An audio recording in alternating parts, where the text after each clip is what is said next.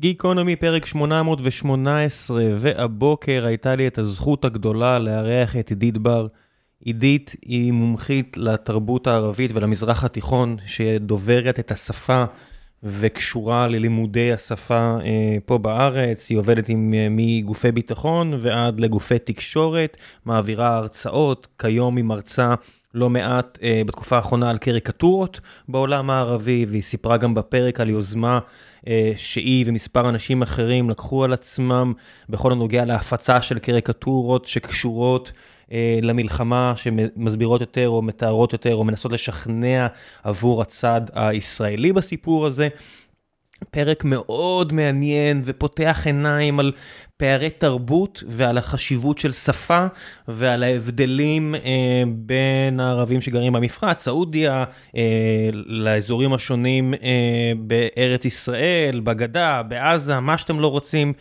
אישה כל כך מוכשרת ורהוטה אה, בכל השפות, אני מניח, ערבית אני לא יודע להגיד את זה, אבל בעברית בטח, כיף גדול היה לי אה, לשוחח איתה. יש לה גם פודקאסט משלה אה, שהיא דיברה עליו, ואני אשים גם לינק בדף הפרק כדי שתוכלו להמשיך ולהיחשף אליה, אה, הרצאות, כל דבר.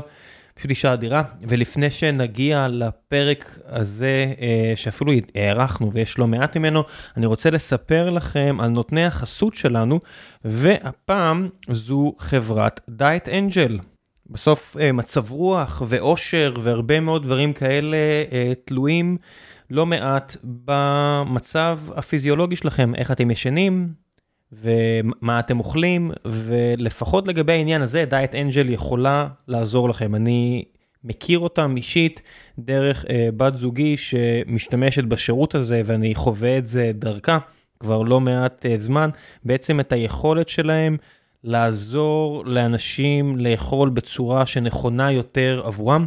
את החברה הקימו אה, לירון פז ורוני עמיצור לוי, שהם שתיהן דיאטניות קליניות עם למעלה מ-15 שנות ניסיון, ובעצם הצוות שלהן מונה למעלה מ-50 דיאטניות קליניות, שמלוות בכל חודש אלפי גברים ונשים בתהליכים של לשפר את אורך החיים שלהם, אם זה ירידה במשקל או כל מיני uh, טיפול במצבים בריאותיים הדורשים התערבות תזונתית.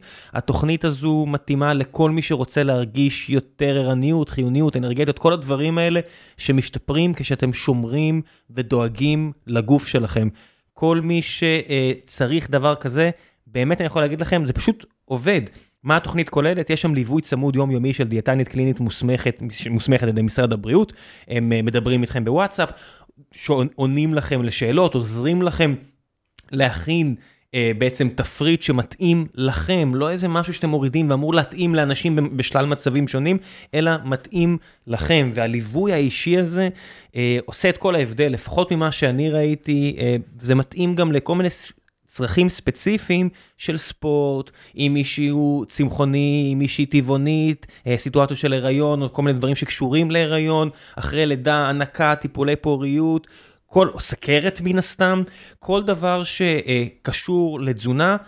בדייט אנג'ל יכולים מאוד מאוד לעזור לכם. יש הטבה ייחודית למאזיני גיקונומי, 150 שקל הנחה בהרשמה לתוכנית של שמונה שבועות.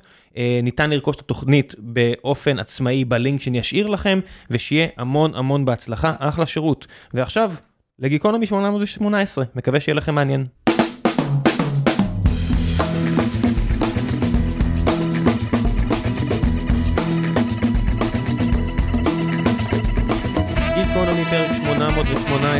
והבוקר יש לנו זכות הגדולה לארח את עידית בר, מומחית לתרבות הערבית, שלפחות כרגע מרצה על קריקטורות, וזו הסיבה שביקשתי לדבר איתך. מה העניינים? שלום שלום, נכון, לא רק על קריקטורות, אבל uh, בהחלט קריקטורות, uh, אני חושבת שזה מעבירות מסר ויזואלי כל כך חזק, שהן uh, בהחלט uh, עוזרות לי בהרצאות uh, לחדד את המסרים שלי. זה כמעט מילה שכבר uh, יצאה מאופנה, עכשיו יש מימים. בטח. עכשיו יש ממים, את יודעת. אה, ודאי, אבל לא, לא בתרבות הערבית. בתרבות הערבית, אה, מכיוון שאני אה, עוסקת בתרבות הערבית, חוקרת ומרצה על, ש... על התרבות הערבית, אז בהחלט יש מקום מאוד מאוד מרכזי לקריקטורה בעולם הערבי.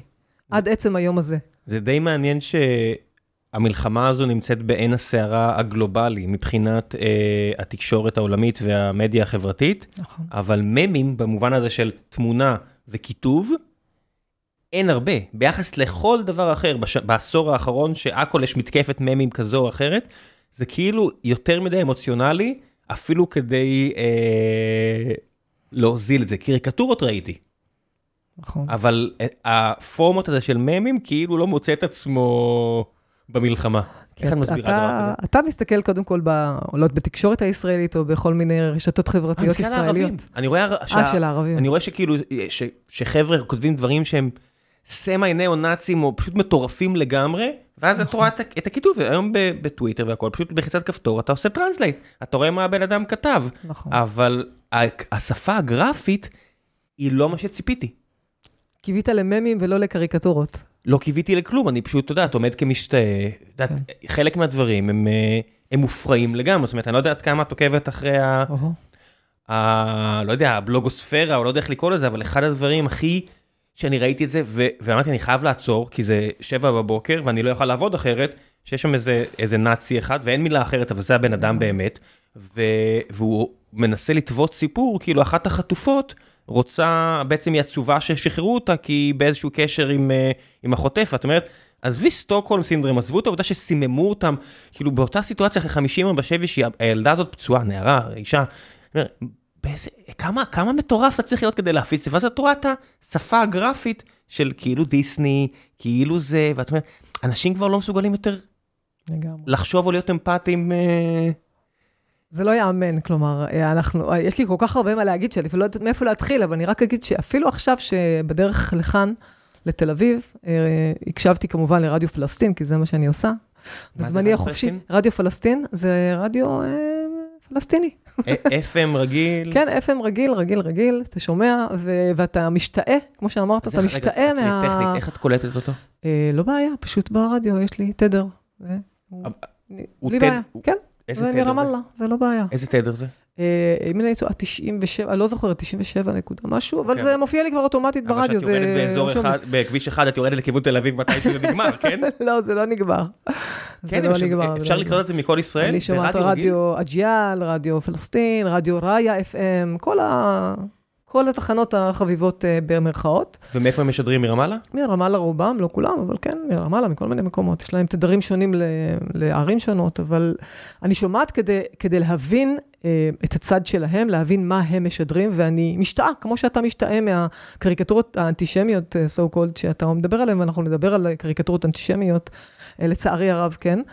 אבל אתה שומע, הנה עכשיו שמעתי שיר שנקרא בפתוס גדול, על איך ישראל אה, הפציצה את בית החולים אל-מעמדני ב- בעזה, בשעה ש... שאנחנו כבר יודעים, וכבר זה בדוק, שישראל לא הפציצה, ושזה היה טיל כושל של הג'יהאד האיסלאמי, ושזה היה בחנייה של בית הוא החולים. לא הופצץ. ולא נהרגו 500, נהרגו 45, לא משנה, אבל... הוא אבל לא הופצץ. זה זה הדבר זהו, הכי מטורף, הוא. שאת מגיע הבוקר, והמבנה שם. נכון. זאת אומרת, אני אומר, זה לא באיזה כבול, או כן. באיזה תורה בורה במערות, שאת אומרת, אנחנו לא יודעים. אני אומר, זה פה, הנה הצילום, הנה המבנה. החלונות לא שבורים. אבל זה לא משנה, האמת לא משנה, כאילו באמת, כלומר, אני אומרת לעצמי, וגם אמרתי את זה כשהתראיינתי ברדיו אתמול, יש תמיד, יש בערבית שכשאומרים לך אתה רוצה את האמת, אז אתה אומר, بدك الحق, כלומר, אתה רוצה את האמת, או ابن عمه, או את הבן דוד של האמת. אז זה הבן דוד של האמת, כלומר, זה לא האמת. הבן של האמא, אבל למה הבן של האמא? כאילו? ככה אומרים, ב ابن عم, ابن عم, כן, את הבן דוד של האמת, כי באמת לא אומרים את האמת. לא אומרים את האמת ברדיו הפלסטיני, לצערי הרב, מלא, מלא, מלא, מלא fake news. ובתור אחת שהתראיינה ב-BBC ועמדה, ב-BBC בערבית כמובן, ועמדה, אה, איך אומרים, כחומה בצורה מול אה, קטרי, שהפיץ ממש אה, שקרים והכעיס אותי מאוד, אבל הצלחתי לענות לו, אלחמדולילה, אז זה לא פשוט לעמוד מול שקרים שמכניסים, עושים מין שטיפת מוח כזאת, ש... אה, על, על המון דברים שישראל עשתה והיא לא עושה כמובן, שהיא רוצחת ילדים בכוונה וכל מיני דברים כאלה. אבל זה די עמוק בתרבות, הרי אם אנחנו הולכים למלחמת יום כיפור, או את יודעת מה, מלחמת ששת הימים, בימי- ביומיים הראשונים, מה שהמצרים שומעים, זה נכון. אנחנו מנצחים, אנחנו מביסים את הצבא הישראלי. ואת אומרת, בואנה, אחי, כאילו, אתם עוד שנייה, זה נגמר, כאילו, כל המטוסים שלכם, כמה אתה יכול למשוך את השקר, והשקר באמת החזיק יומיים. אני, זה, זה רמת שקר כאילו כמו של ילד בן 4 או 5, שמספר משהו ואתה אומר, אין פה שום מחשבה של איך השקר הזה יחזיק מעמד. אבל אותו בן אדם שאמרתי על ה... שהפיץ את הקריקטורה הנאצית, באמת בחור בשם הינקל בטוויטר, שהוא באמת הכי קרוב לנאצי שראיתי במודרני, שמאשרים לו לדבר. אז אחד הדברים שהוא כתב זה, ישראל נכנסה לתוך מלכודת, השבוע איבדה 700 חיילים, כן, כן, כן, כן. אני לא מבין, זה כאילו, יש יש שמות, יש פרצופים, זה לא, זה כמו שהחיזבאללה מוציא כאילו, נכון, אבל איכשהו הפלסטינאים לקחו את זה למצב, לגמרי. שאני מנסה להיות הכי אמפתי, ואני אני שם לעצמי הרגל שבאינסטגרם שמתי את כל האנשים עם התמונות הכי גרפיות, ודברים לא מתחברים ברמות הכי קיצוניות. שאני אומר, איך אפילו הניו יורק טיימס לא, לא שואלים שאלות, כי זה, זה רמת שקרים שהיא באמת קיצונית. אז ראם, הרמת לי להנחתה. כי אחד הדברים שאני מדברת עליהם בהרצאה שלי, קריקטורות אה, מעצבות תודעת ניצחון, שאני מראה דרך קריקטורות ממלחמת השחרור ועד היום, עד חרבות ברזל, שנקראת אצלם טופרן אל-אקצא, שזה המבול של אל-אקצא, ואם תרצה גם לדבר על זה. אשמח. אז, אה, אז אני רואה, אני תמיד מראה גם את כותרות העיתונים, למשל באהרם, עיתון אל-אהרם, העיתון המצרי, ששם כתוב, אה, מטוסינו הפציצו את תל אביב ונכנסו פנימה, ו... כלומר, כבר אתה בטוח שזהו, כאילו, גמרנו. ו... על מה נדבר? מתי זה? ש... זה היה ב-67, אה, אוקיי, כן, כן, כן. ב-48, כלומר, תמיד, כל, כל, כל פעם במלחמה, אתה רואה את אותן כותרות עיתונים, שאיך אומרים, שאנחנו ניצחנו. גם ביום, דרך אגב, ביום שהתחיל אה, חרבות ברזל, כאן ב-7 באוקטובר, הרי היה מסוק יסעור שהגיע אה, איכשהו לחלץ. אה, והם, אמרו, היה כוח עם חולצות אדומות בדיוק. שיצאו מהיסעור, וכל מה נכון. שהמחבלים יכלו לעשות, כי הם הפסידו את את הקרב הזה. בצורה קיצונית. זאת אומרת, רוב האנשים שנהרגו, וזה האמת, זה היה בסוואנות בדרך. או בהיתקלויות שהם באמת היו המון על קצת, בקרבות שהם היו, נכון. מה לעשות, צה"ל הוא גוף מאורגן עם הרבה יותר תחמושת, הרבה יותר אנשים, זה לא חוכמה. אבל מה שהם הראו, זה את המסוק הזה בוער, והם אמרו, כל מי שהיה במסוק מת. בדיוק, אז זהו, אז הם כתבו, עכשיו, אני קוראת uh, טלגרם, את כל ה... לצערי הרב, את אל-מיאדין, שזה של חיזבאללה, ואת uh, שיהאב, כל ה... החובבי ציון במרכאות, ואני קוראת שהם יהרגו לנו, אה, כלומר, הם הצליחו לפוצץ מסוק יסעור עם אה, חמ- אה, 50 חיילים בפנים, אז כבר אני אומרת למשפחה שלי, תקשיבו, וואו, הרגו לנו חיילים, כלומר, אתה כבר מאמין להם. תשמעי, באמת- אתה... באמת נהרגו 300 חיילים ביומיים האלה, זה באמת הכמות היסטורית עבורנו, בטרגדיה שהיא לא נתפסת עבור נורא, צה"ל נורא. והמשפחות.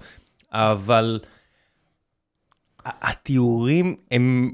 כן, אז תראה, בכלל, אני רוצה להגיד, אם כבר אנחנו דיברנו, גם אמרנו שנתכנס לקריקטורות, אני רוצה לספר על קריקטורה שראיתי ממש השבוע, שגם כן, שוב, fake news, הרי הייתה הפסקת אש, אה, הודנה, הם קוראים לזה, שזה מין איזה מונח איסלאמי להפסקת אש שנועדה אה, אחר כך גם להתעצם כמובן ולהתקיף את האויב מחדש, אבל ההודנה הזאת, אה, לכאורה מצוירת בקריקטורה של אה, פלסטיני כמובן, שמראה את יונת, יונת שלום, שמסתירה בכנפה הגדולה את הפלסטינים האומללים תחת, אה, תחת כנפיה, וכתוב על היונה הודנה, כלומר הפסקת אש, אבל טיל ישראלי מגיע ונופל ממש על ראשם של העזתים שמוחבאים, מסתתרים מתחת לכנפי היונה. כלומר, וכשאנחנו יודעים ואנחנו מסתכלים נכוחה על המציאות, הרי מי הפר את הפסקת האש? הרי הם ירו טיל, אנחנו יודעים, וכל העולם אולי יודע את זה, אבל זה לא משנה. זה לא משנה מה האמת. כן, בנקודה הזאת לפי- אני אומר, אין... לפי אין לי קריקטורה, כן. לפי הקריקטורה, ישראל זאת שהפציצה בעצם, הרס- בוא נגיד, פגעה בהודנה, הפרה את ההודנה, וזה לא פשוט לפעמים להתמודד גם עם אה, פייק שיש, פייק ניוז שיש בקריקטורות, לא רק בתקשורת. בתקשורת לחוד ובקריקטורות לחוד. כי קריקטורות, כמו שאני אומרת, מעצבות תודעת ניצחון. לפי קריק, קריקטורות נועדו, יש להם, יש להם כמה... אה, מטרות. אז שוב, יש קריקטורות רגילות שנועדו נגיד אה, אה, למתוח ביקורת על המשטר, אה, שבמדינות ערב זה לא פשוט, כי אסור, אבל בעיתות מלחמה הקריקטורה משמשת ככלי נשק בידי הקריקטוריסט הערבי כדי להשפיל את האויב, לאיים, ללגלג, להגחיך אותו, ובעיקר להעלות את המורל של הלוחמים ולהראות שהם מנצחים, למרות שהם אולי מפסידים. וזו לוחמה פסיכולוגית. ממש כך. עצם ההגדרה של אה, ניצחון או הפסד, זה סובייקטיבי.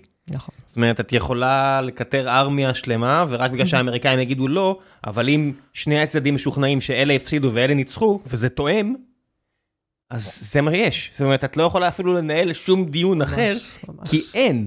כי, את יודעת, אתה לא יכול לערער כמעט על כלום, כי. אנשים מספרים סיפור ופשוט זורמים איתו בצורה קיצונית. זאת אומרת, יש שכונת הניצחון בקהיר, את אומרת, אוקיי, אבל איבדתם פי ארבע חיילים, או לא יודע מה, זה יכול להיגמר גם פי 12 באותה מידה, נכון. בהחלטה. נכון. אה, אבל לא, ניצחנו. למה ניצחנו? כי מה שרצינו החזרתם. זה מה שרציתם, זאת אומרת, הכל כל כך פלואידי, וכולם זורמים את זה, אבל אנחנו לא רואים את זה רק אצלנו, העולם טיפה השתגע, זאת אומרת, את רואה אפילו פוטין, שמשקר שהוא אומר, אה, מה, אני רק רציתי את הדונבאס, זה הכל. אבל אדוני, בפברואר 22 היה בקייב. אם רצית רק את הדונבאס, למה שלחת אלפי אנשים לקייב? העולם מאמין, העולם מאמין. מה זה עולם מאמין? האידיוטים השימושיים של המערב, שהם עושים את זה עוד מימי סטלין ואחורה, אה, בעצם מדבררים את הצד של הרוב, אומרים, מה, רוסיה למשל היא כוח הרבה יותר רציונלי, והכל אומר, מה זה רוסיה? זה בן אדם.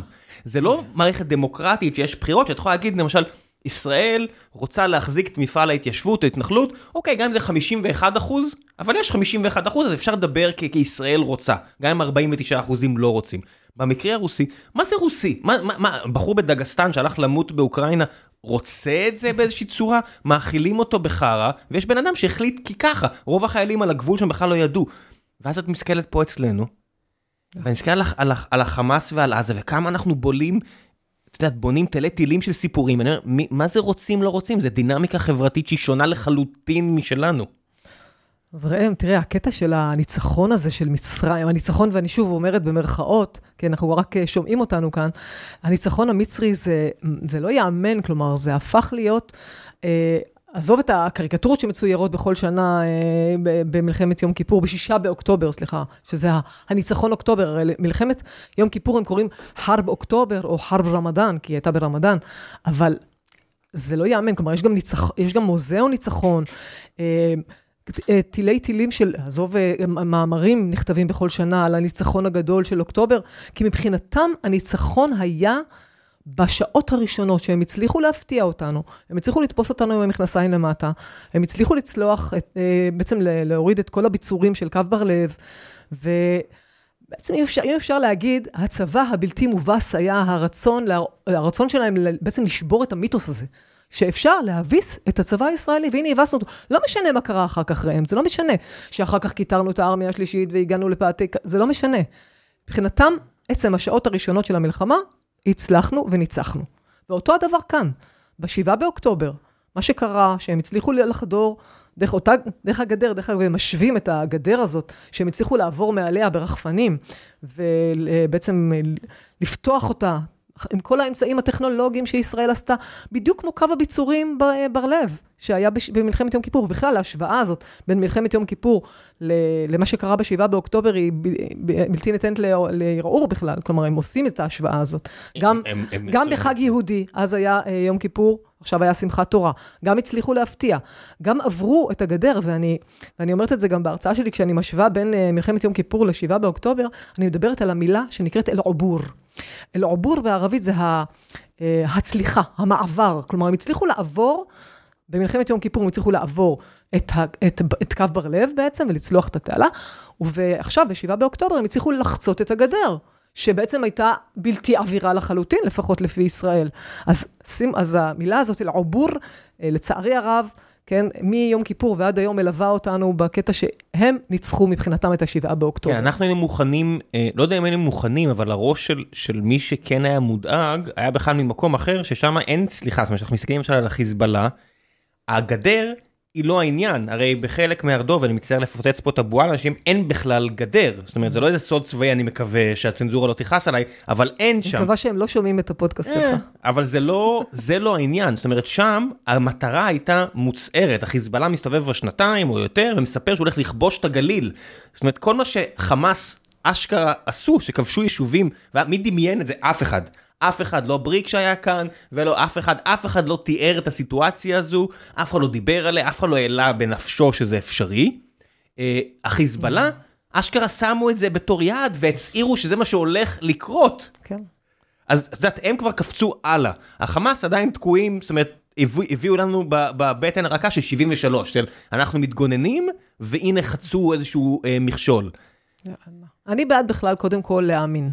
להאמין למה שהם אומרים בערבית. לא סתם, אה, אני אומרת, אה, אלחמדולילה, כן, שאני יודעת ערבית, כי באמת, אני, אמנם נכון, ניזונה מהתקשורת שלהם, וזה גורם לי לפעמים לנדודי שינה, כי זה לא פשוט לראות כל כך הרבה אה, עוצמות של שנאה ושטיפת מוח שמעבירים גם ילדים קטנים, אבל כשאני יודעת ערבית, אני שומעת את הדברים ממקור ראשון.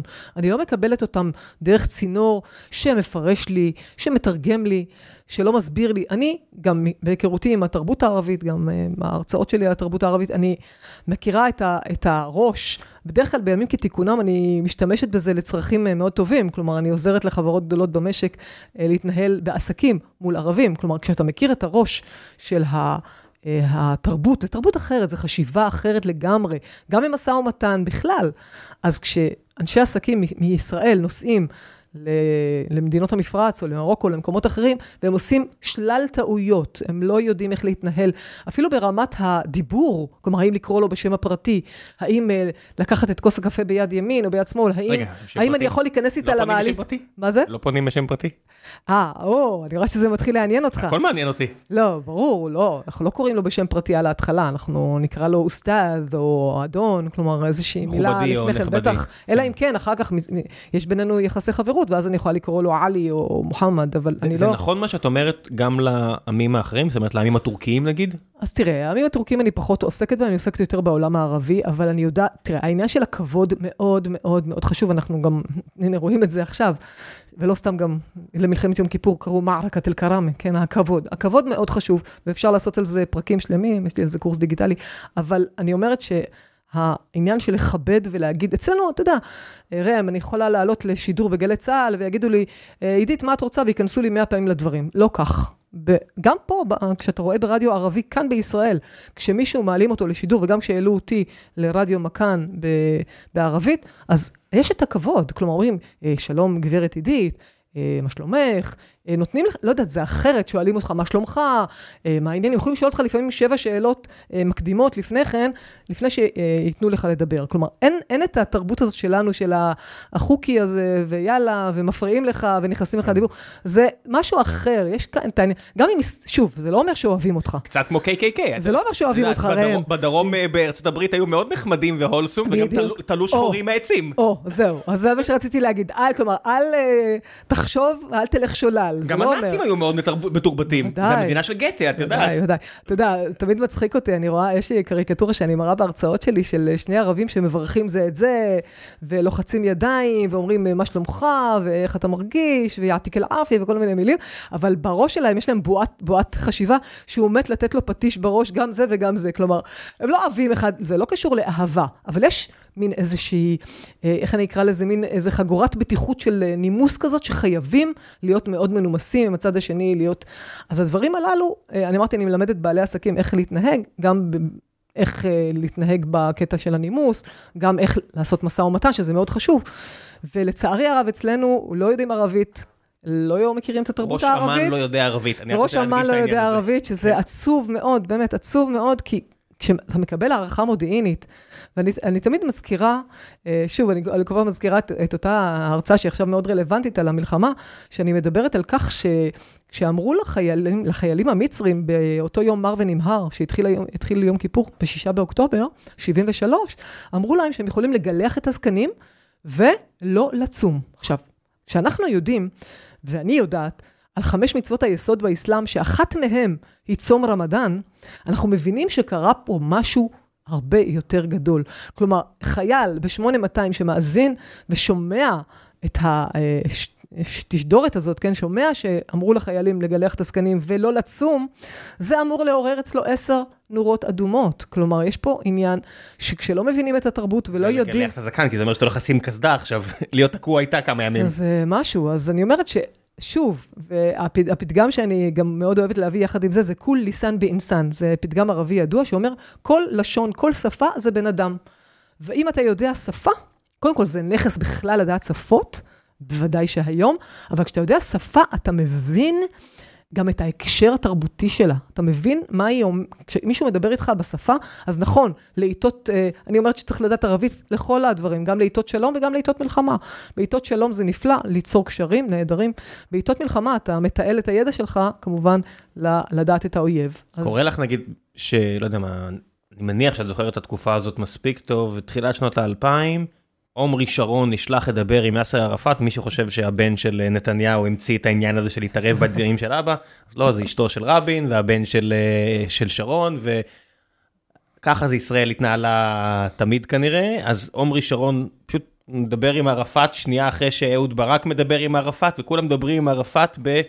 אנגלית ישירה, בלי מתורגמנים, כי הכבוד המתיישב היהודי, זאת אומרת, גם שרון שהתקשר לכל הנפגש בווינה הרי שם לפני עם הנציג של ערפאת, שניהל את הקזינו ביריחו, ומשגע אותי הדבר הזה, כמה היינו קרובים יכול להיות לאיזשהו הסכם, הרבה מאזינים בטח יגידו שלא טוב ההסכם הזה, אבל נניח, ואני אומר, כמה קרובים היינו להסכם שאולי נפל באמת על uh, פערי תרבות כאלה ואחרים. לגמרי פערי תרבות ופערי שפה. שני הפערים הכי גדולים שלנו, וזה באמת uh, עצוב לי, עצוב לי שאנחנו לא מספיק יודעים, אין מספיק אנשים שיכולים uh, גם, גם לתת fight בתקשורת. אני רואה שאין מספיק אנשים ישראלים שיודעים ערבית על בוריה, שהם יכולים לעלות ולתת fight. התקשורת די מופקרת.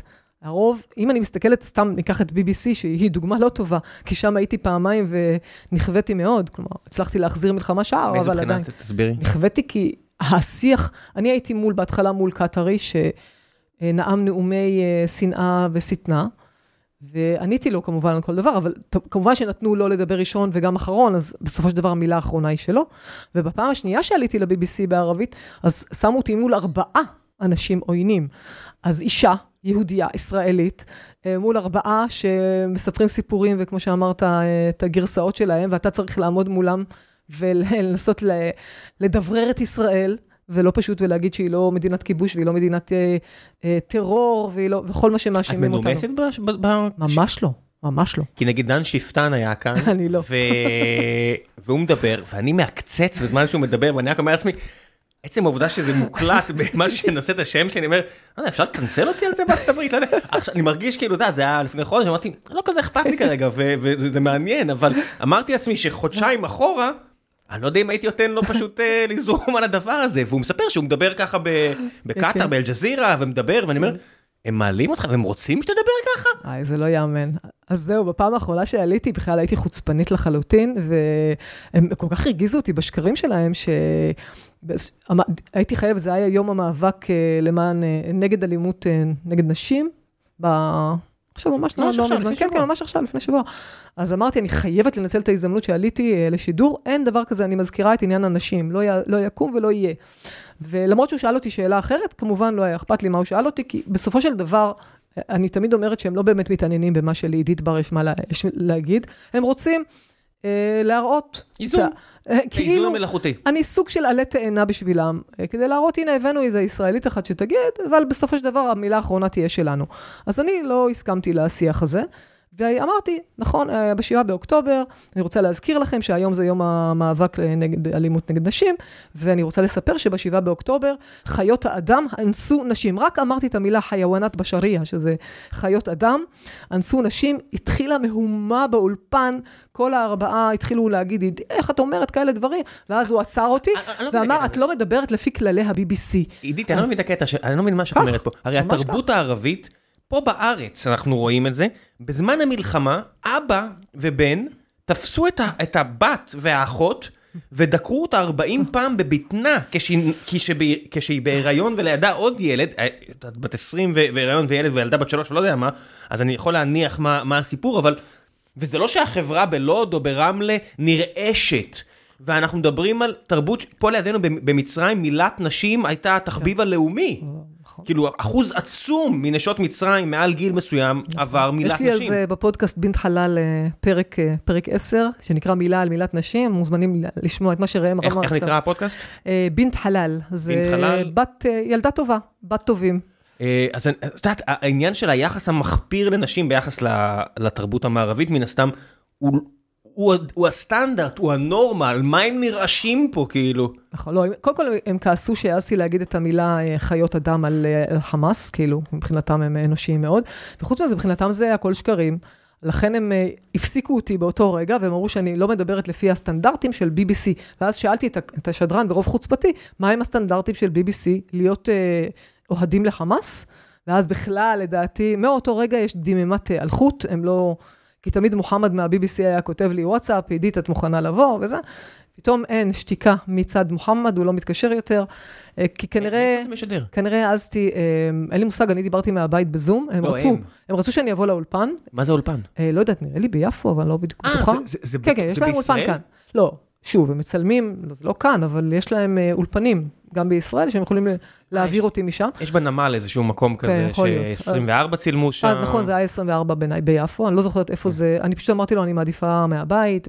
תראה, אני אגיד לך ככה, אני פותחת בבית שלי חמ"ל, חמ"ל מלחמה, כלומר, ביום שאני יודעת שאני מתראיינת לא- לאיזשהו ערוץ ערבי, אני, אני מדפיסה לי מסרים. שאני יודעת שאני רוצה לומר אותם, ולא, ויהי מה, לא אכפת לי מה הם שואלים אותי. יש לי מסר לומר, אני אומר אותו. משהו על ישראל, ואני אה, ממש אה, תולה לי את זה על הטלוויזיה, יש לי טלו... מסך טלוויזיה מאוד גדול מעל המקום שבו אני מקליטה, את הזום, ואני רואה אותם לנגד עיניי נמצאים כל הזמן, כדי שאני לא אשכח חלילה להגיד את מה שאני רוצה להגיד. וזה מקובל. הם לא יודעים, כלומר, הם, לא אכפת לי, זה לא מעניין אותי. אני עולה לשידור, אני בעצם, במידה מסוימת, נושאת את כל מדינת ישראל על הכתפיים שלי. אני מייצגת עכשיו את ישראל. לא משנה שאני לא פרשנית פוליטית ואני לא מתעסקת בארגוני טרור. מבחינתם, אני עכשיו, עידית בר, מייצגת את ישראל, והם שואלים אותי את כל השאלות האפשריות. האם את חושבת שההודנה, שהפסקת האש תימשך? האם את חושבת שלשחרר את החטופים זה יותר חשוב? הם שואלים אותי שאלות שאני לא אמורה לדעת את התשובות עליהן. אין לי מושג, אין לי קשרים עכשיו כן. אה, בצבא. נכון שלימדתי שנים ארוכות ב... אני אני די בטוח ב- שגם אנשים במוסדות בכירים... ביטחוניים, אבל גם- אני עכשיו לא כן. שם, אז אה, כאילו מה... אני גם די בטוח שממש אנשים ממש בכירים במערכת לא באמת יודעים, זה כאוס, כאילו, יודעת. Mm. זה החלט- גם נכון. כן, כל מיני החלטות שמחליטים ופתאום מישהו מדליף אותם לוול סטריט ג'ורנל כדי לסנדל אותם, שעובדים על זה ופתאום מישהו רוצה להדליף את זה. אה, יש הרבה אינטרסים פה, שלא יפתיע אותי מי הדליף ואיך הדליף ולמה רצו לסנדל את זה. תראה, יותר מדי מדברים, לצערי הרב, שוב, אני באמת לא צופה כל כך בתקשורת ישראלית, אין לי זמן. אני לא מדבר על תקשורת ישראלית, אני מדבר על תקשורת בינלאומית. בינלאומית גם, גם בינלאומית, לא רק ערבית, אבל אני רוצה להגיד שאני רואה שהם עושים מטעמים מכל דבר שאומרים כאן באולפנים, מכל דבר שכתוב בעיתונים. כלומר, הם צריכים להבין שלעומתנו, שאנחנו לא יודעים ערבית, כלומר, אני יודעת, אלחמדולילה, אבל יש כאלה הרבה רבים שלא יודעים, אנחנו לא יודעים ערבית, הם עושים מאיתנו קרקס בתחום הזה, כלומר, הם פשוט יודעים עברית. הם לוקחים את כל מה שאומרים באולפנים, את כל מה שכותבים בעיתונים, והם, וזה משחק נגדנו. כלומר, מספיק שמישהו יגיד, אה, אוי, אה, הפסדנו במלחמה, ישר הם מהדהדים את זה אצלם. הנה, אתם רואים, ישראל הפסידה. ואפרופו, הקטע הזה של אנחנו מדברים על המחדלים כאן. אני רוצה לומר אה, קבל עם ועדה ולכל מי ששומע את הפודקאסט הנהדר הזה, שכשאנחנו בטוחים שהפסדנו, ואנחנו חופרים עמוק עמוק במחדלים, בראש חוצות, אני מדברת על בראש חוצות, אני לא אומרת, היו כאן מחדלים אדירים ונצטרך לנקות אורוות, ובהחלט. אבל גם אחד מהדברים שאני מדגישה באמת בהרצאה שלי, כשאומרים לי, עידית, מה תמונת הניצחון שלנו? הרי, הרי כל הזמן את מראה את הקריקטורות, איך, איך הם מראים שהם דורכים עלינו והם ניצחו אותנו, אז מה אנחנו? ואז אני אומרת שיש באמת משהו אחד, כמה דברים, אבל אחד מהם אני אגיד כאן. הקטע של ההתעסקות היותר מדי לחפור במחדל. ומה שעשינו במלחמת יום כיפור, אני חושבת שהיה אה, טעות, כי כל שנה, וכ- וכל שנה ראינו אה, מחדש בעיתונים, המחדלים, וכמה לא ידעו, וכמה לא הקשיבו, וכמה עשו, וכמה... עכשיו, אני מבינה את זה, אבל הם מסתכלים על זה אחרת. אני- אני- ברגע שאנחנו כן. חופרים במחדל, ראם, מבחינתם הם ניצחו. אם? אנחנו גרועים כל כך, אז כנראה שהם? ניצחו. מה זאת אומרת מבינה את זה? אני מסתכל מהצד ואני אומר, אה, אני מבין את העניין הרציונלי של לנסות לתקן, ותמיד מדינה שהיא מנסה לתקן, יהיה לה עדיפות המדינה שמנסה להסתיר כשלים, וזה אחלה. פשוט חלק מהאנשים שנוגעים בדבר, כיוון שאני כבר רואה אותם מתבטאים בטוויטר עכשיו, אני רואה כמה הם נהנים מזה, כיוון שאנשים כבר מתוך מערכות התקשורת האלה שולחים לי הודעות, כי הם רואים שאני כותב את זה, הם אומרים, תשמע, אתה צודק במאה אחוז, ככה זה, אני משתגעת או משתגע ממה שקורה סביבי. זאת אומרת, שמישהו אומר, הנה בום, הנה ישראל הרגה את הילד, אז תראו את כן, התמונות הקשות, והזה. ואני אומר, יש פה טענה על 7,000 ילדים מתים, אתה רואה תמונה של שניים, אני אומר, מכל פיגוע בדיזינגוף או בדולפינריום, אני אראה לך את מה שהראית לי עכשיו, אתה יודע, מישהו כתב, זה אות קין למאה שנה על מ- מדינת ישראל, אני אומר, "את- אתה... אני מסתכל, אני אומר, what the fuck? זאת אומרת, שהארץ מעלה במוסף שלו, תראו, מצאנו טענה שב-42 רצו להרעיל בארות ב-45, ואני אומר, אתם מדברים על מלחמה שהיא של... שלוש שנים, 48, אחרי סוף מלחמת העולם השנייה, שבחזית המזרחית, כאילו, רק תחשבו מה היה שם, אתם מעלים טענה שמה זה, מישהו העלה רעיון ואולי יעשה, אבל לא עשה, וזה תחקיר 80 שנה אחרי, על מלחמה שבה, על, על שער הגיא, שהיו שולקים מאנשים את אברי המין ודוחפים להם לפנים ליהודים, זה היה הנורמה. מג'נונים, באמת. זה, וההתעסקות והשמחה הזאת, זאת אומרת, יש ממש שמחה, כן. תראו, בום, כן. רושמים את המילה בום, בום, מצאנו טענה נגד כן. ישראל, ואני אומר, באיזה שלב זה, זה פשוט פסיכי לחלוטין. עכשיו, אני, בשלב מסוים אמרתי, רגע, אולי אני באמת נהייתי פשיסט, אני לא יודע. ואז אנשים מתוך מערכת גוף העיתון, מתוך מערכת גוף העיתון, עיתונאים מהעיתון אומרים, תקשיב, משהו פה השתגע. הם נהנים מזה. דולים איזה ראייה. אני רוצה לדבר ראם, עכשיו הזכרת את עניין הילדים שנהרגו בעזה, שאני כל הזמן שומעת את זה, ואמרתי, כשאני פותחת את ה-BBC, אני רואה רק סרטונים על ילדים הרוגים וזה וזה. אני רוצה להגיד משהו אחד, שבערבית, בערבית המילה טיפל, טיפל, רבים אטפל, זה ילד. ילד כן. עכשיו, המילה ילד בערבית, אה, בעצם היא מסמלת ילד מגיל 0 עד גיל 21, אנחנו צריכים לדעת את זה. עכשיו, כשאתה, כשהם אומרים נהרגו ילדים, כן? אטפל, כל הזמן הם סופרים את, את מספרי הילדים שנהרגו בעזה, הם מתכוונים גם לילדים בגילי 19, 20 ו-21. זאת אומרת, במה אנחנו מדברים? אנחנו מדברים על ילדים שהם לוחמים. כלומר, חלק מהם זה פשוט אנשים נושאי נשק שירו בחיילי צה"ל.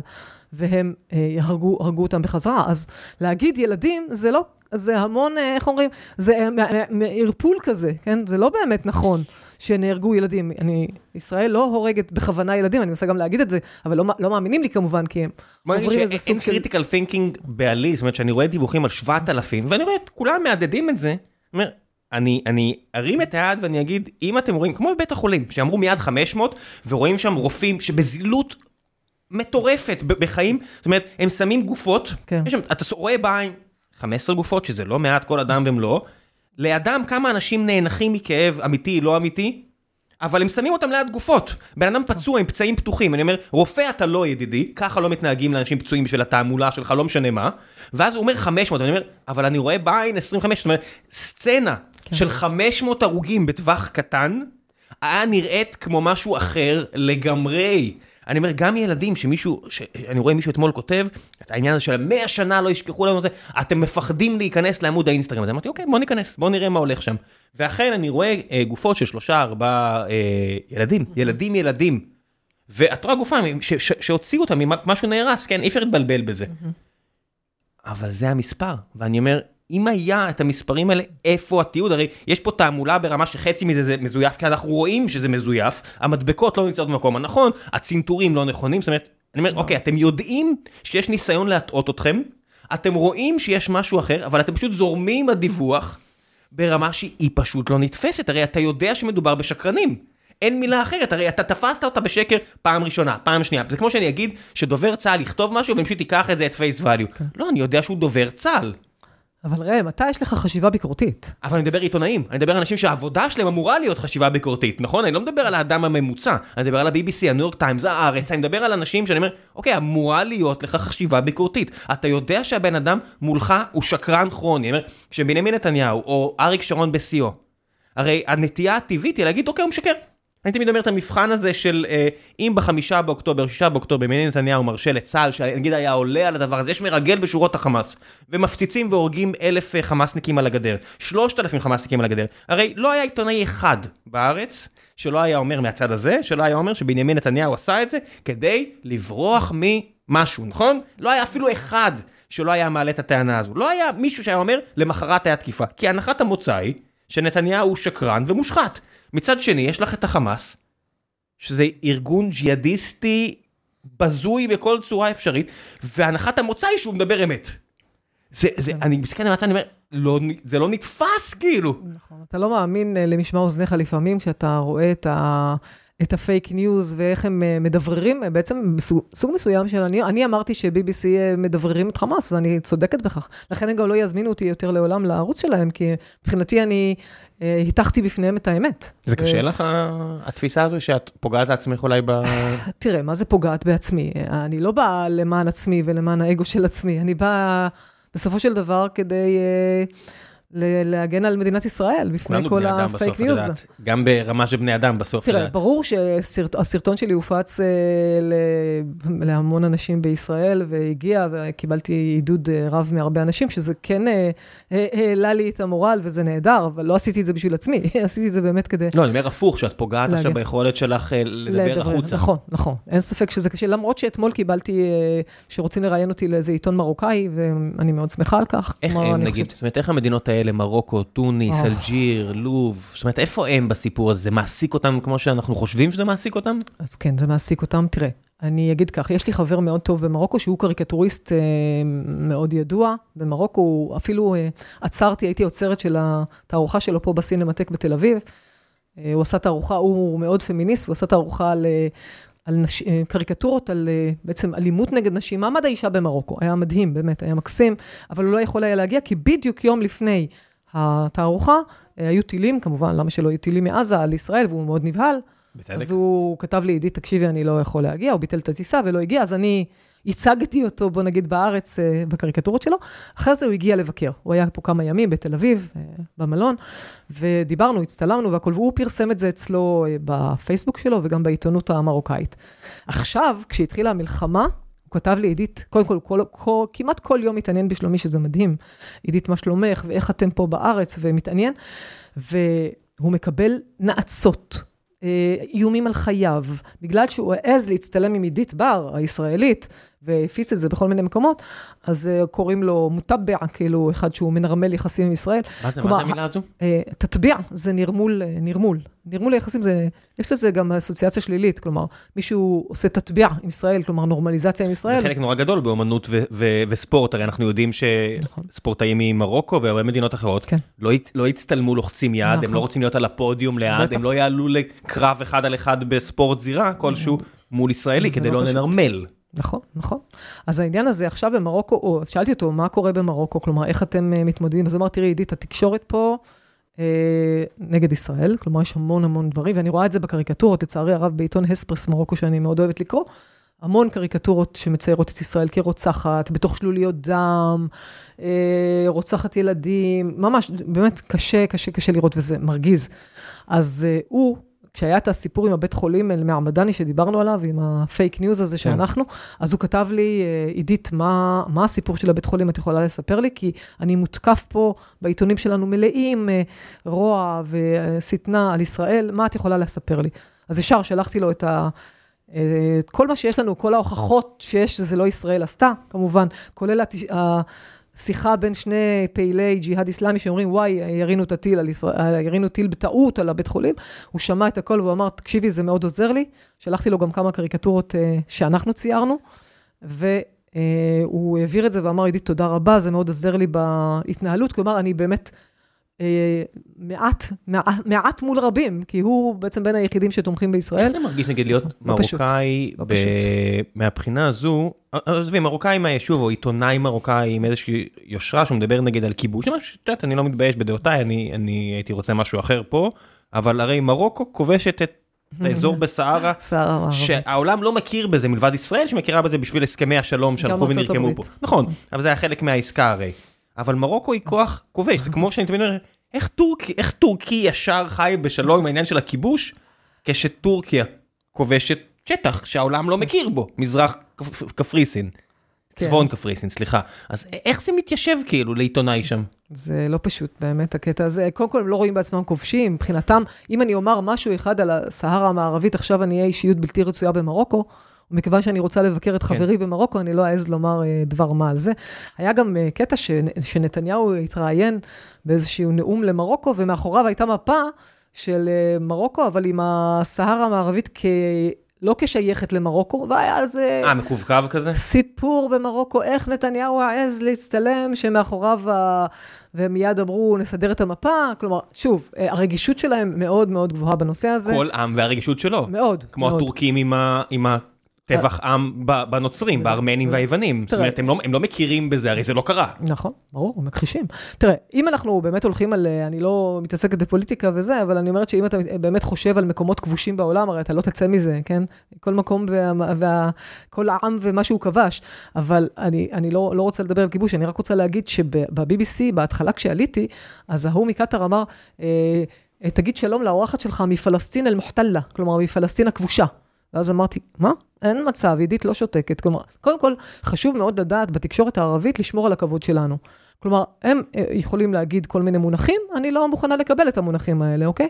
אז לפני שעניתי על השאלה, שבסוף גם לא עניתי עליה, של השדרן, אמרתי, סליחה, אני רוצה רגע להגיד משהו, אני לא מדברת מפלסטין הכבושה, אני מדברת ממדינת ישראל, מתל אביב, ממדינת ישראל שבירתה ירושלים לנצח. והוא, הוא, אתה רואה, הוא מתעצבן.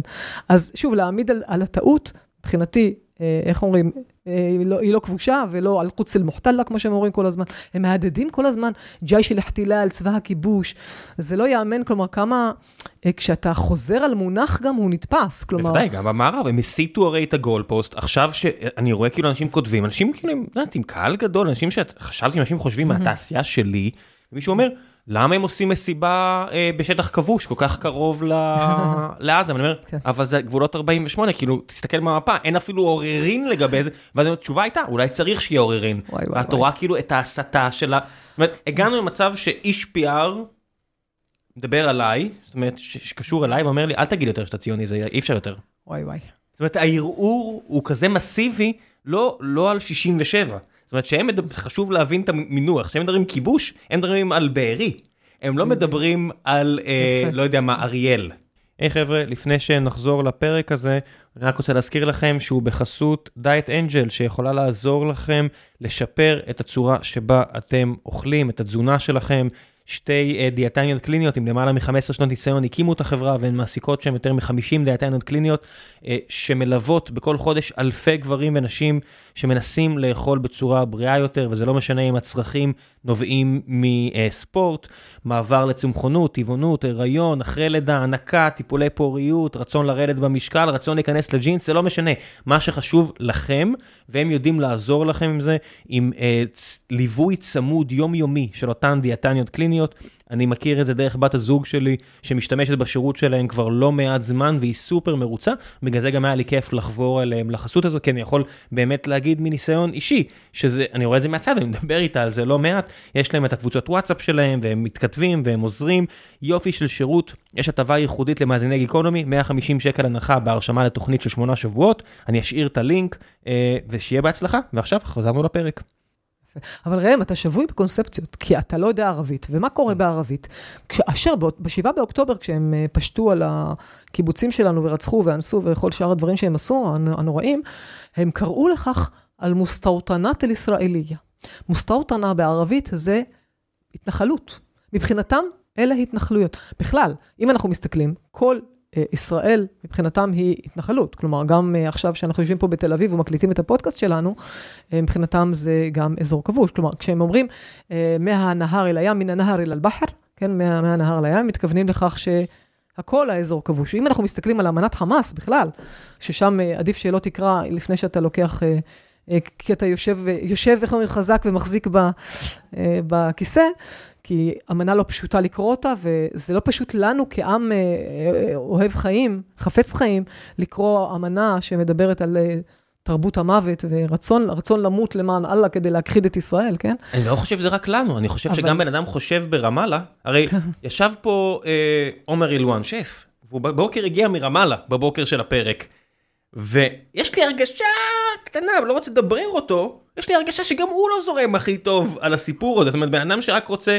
תשמעי, הוא לא מת עלינו, בסדר? בואי, גם זה היה ברור בפרק, הכל בסדר, והוא הגיע לפה אחרי שהוא עיכבו אותו סתם, הוא פשוט, אתה יודע, אתה בן אדם נראה כמו הרע בפאודה, אז עושים לו את המוות בטח במחסומים והכל, אני בטוח שהחיים שלו לא קלים כערבי אה, באזור הזה, כן? אני לא לרגע מזלזל בזה, אני, הוא לא מת עלינו כ, כאוכלוסייה, פה היה כיף, כי יודעת, כי בני אדם זה כן. פשוט כיף בני אדם, אבל אני בטוח שמישהו כזה, כשהוא יושב ברמאללה וקורא ושומע על החמאס, הרי החמאס זרקו אנשים מהפתח מהגג.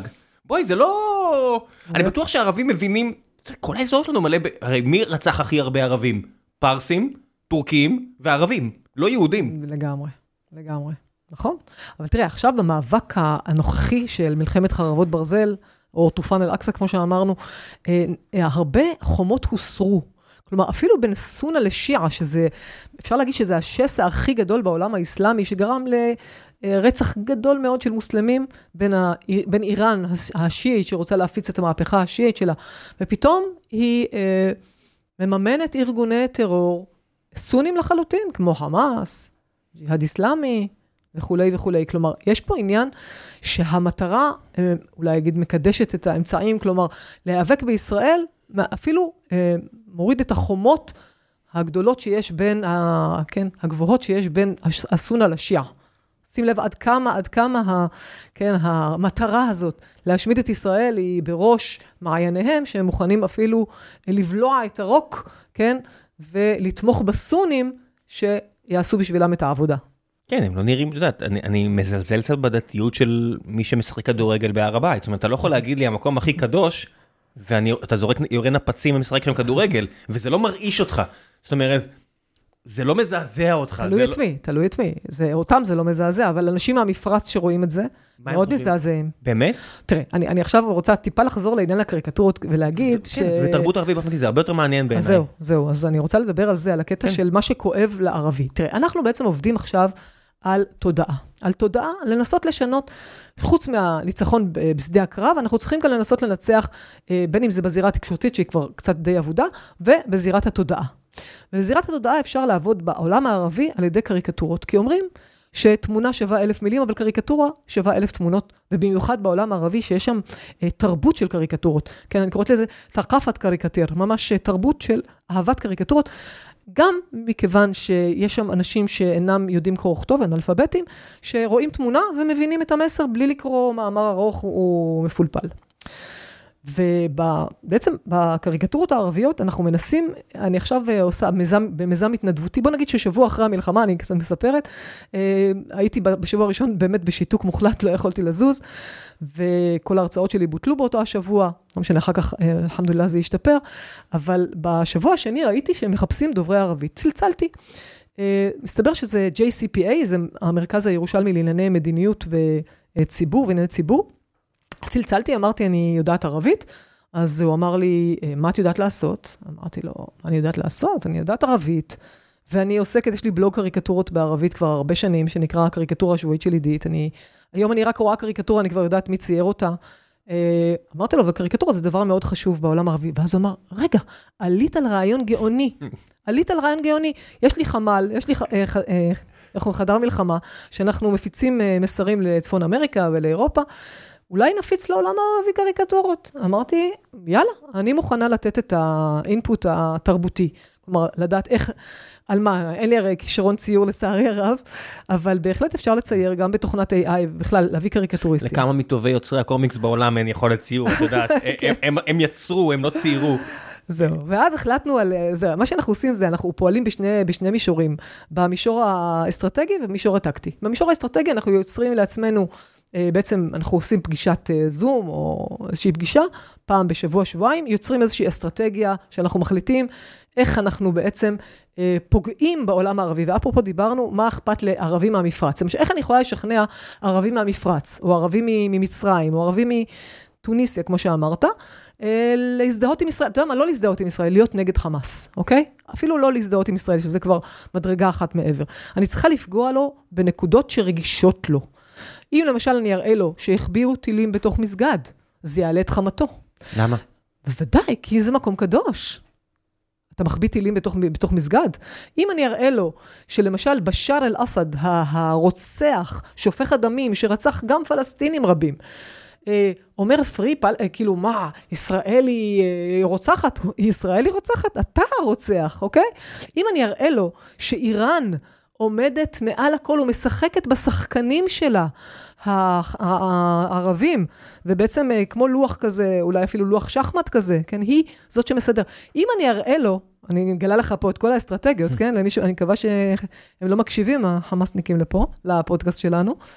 אה, אם אני אראה לו שהאחים, סליחה, שחמאס זה בדיוק כמו האחים המוסלמים. ג'מאעת אל-איחואן אל-מוסלמים, תראו, האחים המוסלמים זה תנועה חתרנית, רצחנית, עם אידיאולוגיה שרוצה, בעצם שחושבת שכל אה, שליטי ערב הם כופרים. רגע, מה זה אם אני אראה לו? יש, יש מישהו שחושב אחרת? שחמאס הוא לא חלק מהאחים המוסלמים? אז זהו, אז לפעמים לא ברור הלינקג' הזה, ואנחנו רוצים כן אבל, לעשות את אבל זה. אבל זה האמת. נכון, זו האמת, אבל היא לא ברורה. שאומרים אה, אה, חמאס אייסיס או חמאס נאצים, זה, זה פרופוגנדה. צודק. אני חי עם זה בשלום, אבל זה פרופוגנדה. בסדר. חמאס האחים המוסלמים, לגמרי. זה פשוט נכון, האמת. כי הם תנועת בת. הדאווה וכל הטקטיקה הזאת שכבר 100 שנה ממצרים נכון, החוצה, נכון. זה לא... זה, זה מה שזה. אתה צודק, ראם, אז הם תנועת בת של האחים המוסלמים, אז מה שאנחנו עושים, אנחנו מנסים להראות ממש אה, את, ה, את החיבור הזה.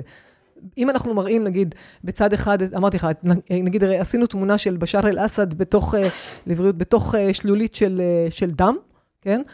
ומלא גופות של עזתים, והוא אומר, אה, אה, הם רוצחים את, אה, את אנשי עזה, כן, בשעה שהוא בעצמו רוצח. הראינו תמונה של איש האחים המוסלמים מרושע כזה, שמסתכל ואומר, וואו, איך, בוא נעשה עוד משהו רע בעולם הזה. כלומר, זה פוגע בערבי שרואה את זה גם מהמפרץ, גם ממקום אחר. הערבי במפרץ בכלל, הם, האחים המוסלמים מבחינתם, זה הרוע בהתגלמותו. כי יש להם מדינות מופלאות. בטח, הם לא עובד. רוצים אותם. כי הם, זה עובד. הם שונאים אותם שנאת מוות, הם מאייבים איום עליהם. תקשיב, מבחינת האחים המוסלמים, הרי שליטי האמירויות שעשו איתנו תטביע, כמו שאומרים, הנורמליזציה. וסעודיה שרצתה לעשות איתנו, ממש היינו... חמאס אומרים את זה, זה לא איזה קונספירציה. נכון. חמאס אומרים, עשינו את זה עכשיו, היינו כן. צריכים לעשות את זה עכשיו, כי ישראל התקדמה לנורמליזציה עם סעודיה. נכון, הם היו חייבים להרוס את זה, כי זה באמת היה אה, שומט את השטיח מתחת לרגליהם, הם לא רצו. הם רצו להרוס, איראן במיוחד, שזה בכלל היה פוגע בה, ובאינטרסים שלה באזור, הכלכליים. אז ברור שהיא רצתה שלא נעשה אה, חלילה שלום עם אה, סעודיה. אז כל הדברים הללו, ברגע שאני, שאנחנו מציירים קריקטורות שפוגעות ב, ב, הנקודה הרגישה שלהם, פתאום זה, פתאום זה מטלטל אותם, אומרים, רגע, רגע, רגע, איך אני תומך באלה של האחים המוסלמים, שבעצם אני כל כך שונא אותם במדינה שלי? אז משהו פה לא מסתדר לי, אז אולי אני... ואני חייב לספר, אה, יש איזה קריקטוריסט סעודי בשם פהד אל-ג'וביירי, שהוא מפתיע אותי כל פעם, הוא לא, הוא, לא, הוא לא אוהב ישראל, שתבין, הוא שונא את ישראל. מן הסתם. אבל הוא שונא את חמאס כל כך, שהוא עשה לנו עבודה, הוא צייר... מה זה שונא את חמאס? הוא שונא את הדתיות שלהם, הוא שונא את הפרימיטיביות הוא שלהם? הוא רואה בהם ארגון טרור של האחים המוסלמים, שרק גורם בהרפתקאות שלו, ככה הוא קורא לזה, כן? בעצם להרס של עזה, מה הוא עשה? מה מפריע לו? שאין, זאת אומרת, אני, אני בן אדם שה-KPI שלי, אני רוצה שגשוג הרבה פעמים חומרי ורוחני, שיהיה זמן לקרוא ויהיה זמן לעשות ויהיה אפשר לגדל ילדים בשלווה. סעודיה, יודעת, זה לא בדיוק, זה לא שהם לקחו את הנפט עד היום והקימו סיליקון וואלי, יודעת, עם כל הכבוד הם בנו ארמונות מזהב ושחטו עיתונאים. ואני יוצא לי לעבוד עם סעודים, הכל בסדר, אבל זה מה שהיה. זאת אומרת, אז מה בחמאס הוא מה שמפריע נגיד למישהו כזה סעודי? אז תראה, הסעודים קודם כל השתנו. הם רוצים... הם משתנים ממש הם מהר. הם משתנים, מהר, הם כן. רוצים, קודם כל, מה שחשוב לסעודים זה הסומעה שלהם, התדמית שלהם. מה, מה זה? מה זה התדמית, התדמית. סומעה זה... זה... סומעה זה המוניטין. מוניטין. חשוב להם המוניטין שלהם, התדמית, להיות כלפי העולם. עכשיו למשל, היה הרי משמרות צניעות בסעודיה, ואני מדברת על זה גם בבינת חלל בפודקאסט שלי, שהיה משמרות צניעות בסעודיה, שכל אישה שהייתה לא צנועה, הרי היו מכים אותה עד זוב דם עם, עם אה, מגלבים ברחוב. היה אסור לנהוג, היה אסור סרטים. קולנוע, יש במאים, אה, אפילו המשטרת הצניעות הזאת שהייתה מכה נשים ברחוב, אה, די אה, נעלמה מהרחובות. כלומר, שוב, זה לא, ש... זה לא שאישה בסעודיה אמורה ללכת ללא כיסוי ראש, אבל הם פחות אוכפים את זה, כמו שבאיראן, למשל, משמרות הצניעות באיראן. יכול להיות שזה דווקא בגלל שהאיראנים, כאילו, עכשיו יש אש פנימית, אז הסעודים כאילו מנסים להגדיל את הדיפרנציאציה הזו? יכול להיות, אבל לא דווקא ככה. יש ביניהם איזושהי עכשיו שיח ושיג, שוב, שבא ממקום ש... תראה, אה, כן, גם אסד יושב שם לידם, ועם כל הכבוד, הם שונאים אותו פצצות, והוא יושב לידם בליגה הערבית, ומתקבל נכון. כאילו כחבר מן כן, המניין, כן. כשהוא דוחף אליהם את הסמים שלו, ומרעיל את הבני נוער שם ביודעין. אתה צודק. זאת אומרת, מה שמחזיק את הכלכלה של אסד עם אחיו, זה הסמים שהוא דוחף לסעודיה והמדינות המפרץ. הם שונאות אותו על הדבר הזה. נכון. אבל אין מה לעשות, זה נשק מאוד יעיל. בהחלט. אז שוב, זה מורכב מאוד לספר על היחסים בין אה, איראן לסעודיה, ואם תרצה, אני... אני אשמח, יש לנו זמן. כאילו כמה זמן שיש לך, יש לי פה עוד, אה, אני מזהיר אותך, יש לי פה עוד 40 דקות, שמתי, אני ידעתי שזה הולך להיות מעניין, פיניתי את הזמן. כן, ואני תהיתי איך נדבר כל כך הרבה זמן. אה, כן, אמרתי לך, זה לא... חברים, כשנמשיך, היא שאלה אותי, אתה גם תדבר? אמרתי, או, את לא לא מבינה לאיפה נפלת. אה, חלילה, כן. חלילה, אה, כיף לא נורמלי. כמובן, אני אוהבת לדבר, בגלל זה אני גם מרצה. אז הנה, בבקשה. אתה יודע, מי שאוהב לעמוד מול קהל, אז הוא גם אוהב לדבר. איפה את בדרך. כלל מרצה?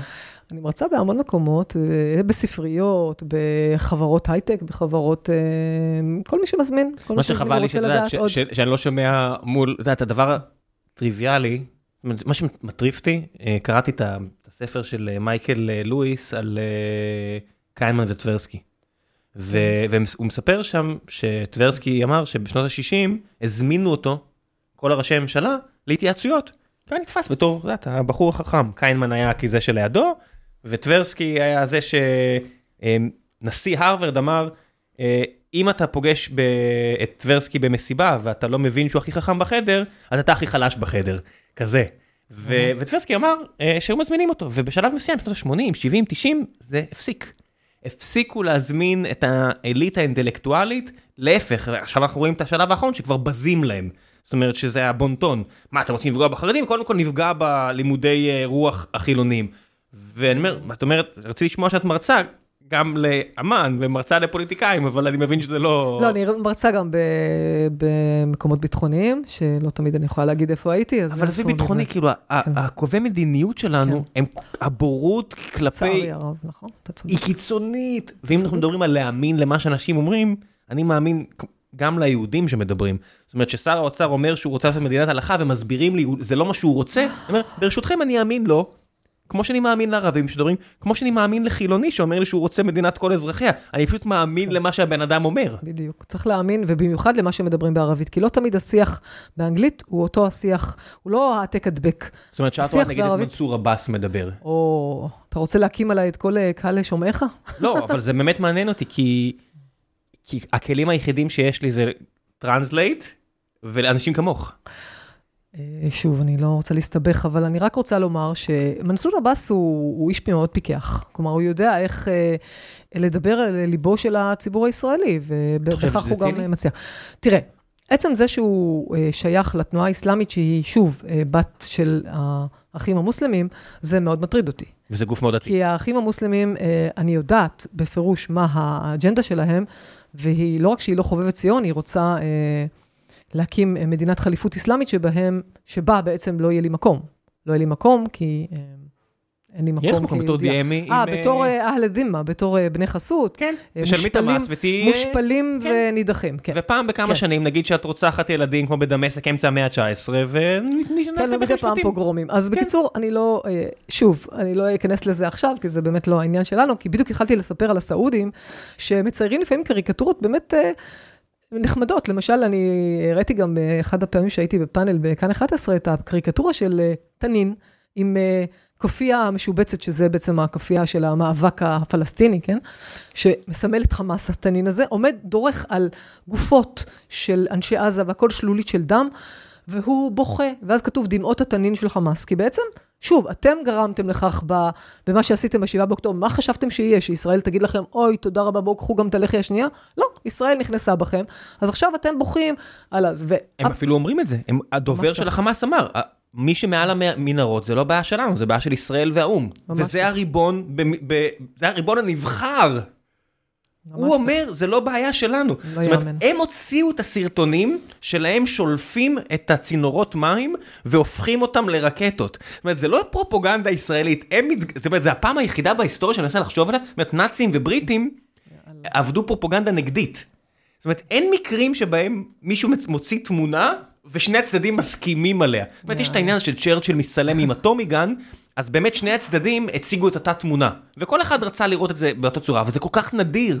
בדרך כלל משקרים, ופה החמאס אומר את מה שאנחנו אומרים עליו, שלא אכפת לו מהאנשים בעזה. הוא לא מתיימר אחרת אפילו. ממש כך, הוא אומר את זה בריש גלי, זה לא, לא מטריד אותו בכלל. והעולם הערבי, זאת אומרת, זה, זה קצת מדהים שכל כך הרבה שנים, כמה כסף נדחף פה להניע שהיה פועל בניין באשקלון ועכשיו הוא מיליארדר בדוחה. זאת אומרת, זה, זה, זה לא פרופוגנדה, זה, הרי בתוך עזה הייתה ביקורת עצומה על הבן של הנייה, ש... הלך לעולמו לאחרונה בשיבה לא טובה כי נפלה עליו פצצה, אה, צר לי, אבל זה היה הדיבור, איך הוא יוצא לדוחה, אז הוא חזר כדי כן. שלא י- לא ירדו על אבא שלו. זה קצת דומה למה שיש פה, את יודעת, אני לא עושה את ההשוואה, אבל את יודעת, גם פה מנהיגים ובנים שלהם חוזרים ונוסעים ומצטלמים, כי זה חלק מהפרופוגנדה, רק ששם זה כל כך בוטה ו... נכון. ושערורייתי. לא, תראה, הם עכשיו מסתירים את כל מה שהיה בשבעה, בכלל לא מדברים על מה שהיה בשבעה באוקטובר בתקשורת הערבית. מבחינתם רק אה, עזה עכשיו בכותרות, ולא מעניין אותם בכלל מה קרה. זה גם בא לידי ביטוי בקריקטורות, ש... שוב, אנחנו רואים שני סוגים של קריקטורות כל הזמן אה, מהדהדות בעולם הערבי. אחת, היא, הנה ניצחנו אתכם, מראים אה, נעל גדולה, ונעל, לא סתם נעל, כי נעל בתרבות הערבית מסמל, במיוחד הסוליה של הנעל, מסמלת את כל הזוהמה והלכלוך. כלומר, כשנעל דורכת על מישהו, אז זה ביזיון מאוד גדול. אנחנו זוכרים את מסיבת העיתונאים שב... שהעיתונאי רק יזרק אה, נעל על, ה... על בוש, על הנשיא בוש, הוא התכופף, כן? אבל לזרוק נעל, אנשים לא מבינים בתרבות. שלנו, אומרים, הוא זרק עליו נעל, טוב, הוא לא ירה בו, אבל לזרוק נעל על מישהו, זה ביזיון מאוד, זה ההשפלה הכי גדולה שיש. אז הם מראים נעל שדורכת על חייל ישראלי מאוד מאוד קטן. ואנחנו ב...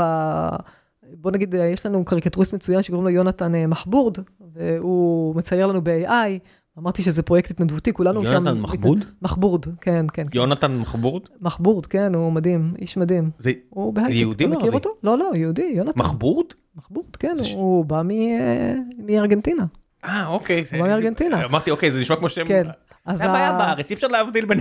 אז זהו, אז קודם כל אני אגיד גם- למי שמקשיב, שיש אה, באינסטגרם אה, אוקטובר אה, 7 Attack, שזה בעצם החמ"ל של מכון JCPA, שאני עובדת איתם, וגם יונתן עובד איתם, ועוד כמה קריקטוריסטים שעובדים איתנו, עבדו איתנו, גם אה, נילי הרמן, ויוסי קופלד. ואת רואה תגובות מערבים? ודאי, ודאי, יש לנו יותר מ-13 אלף עוקבים כבר, שזה רק הוקם לפני חודש ומשהו. אה, ומה הערבים אומרים? מה הערבים שרואים את הקריקטורות שלכם? קודם כל הערבים מאוד, אה, הרבה מאוד כועסים. יש כמה שמסמנים לייקים, יש הרבה ששמים לי, שמים לנו אה, צלבי קרס, ונשמיד אתכם עוד שנייה. כלומר, המון תגובות מאוד קשות. אני חוטפת כל יום לפחות 300 קללות באינסטגרם שלי, לא באינסטגרם, סליחה, אני שמה בטוויטר שלי, שנקרא היום X, כן? אז... אה, אז אני אומרת שמי שרוצה לתמוך בנו ומי שיודע לצייר ב-AI, אז בכלל אה, נורא נשמח שעוד אה, יעזרו לנו ככה בפייט הזה שאנחנו נותנים. אז אמרתי שאנחנו, גם במישור האסטרטגי, חושבים איך לתקוף את הבטן הרכה. מצד שני, גם במישור הטקטי, אנחנו מגיבים ממש באופן ספונטני לקריקטורות שלהם. כלומר, אם הם מציירים, כמו שאמרתי, נעל שדורכת על חייל צה"ל, בתוך עשר דקות אנחנו מייצרים קריקטורה של נעל אה, ישראלית שדורכת על חמאסניקים. כלומר, אנחנו משיבים מלחמה שערה. עכשיו, נכון שזה נראה, שוב, אתה יודע, לפעמים כשאני נמצאת בפאנלים בכ- בכאן 11, אז אומרים לי, מה אתה, מה זה שווה, מה זה... אני אומרת להם, תקשיבו, אתם לא מבינים בכלל. כלומר, יש פה עניין של מלחמה על התודעה. יש פה עניין שאנחנו רוצים להחזיר ולא לתת להם, לא מפקירים את הזירה הזאת. נכון שצריך לנצח בשדה הקרב, אני מסכימה, בהחלט, למוטט את חמאס, הכל טוב.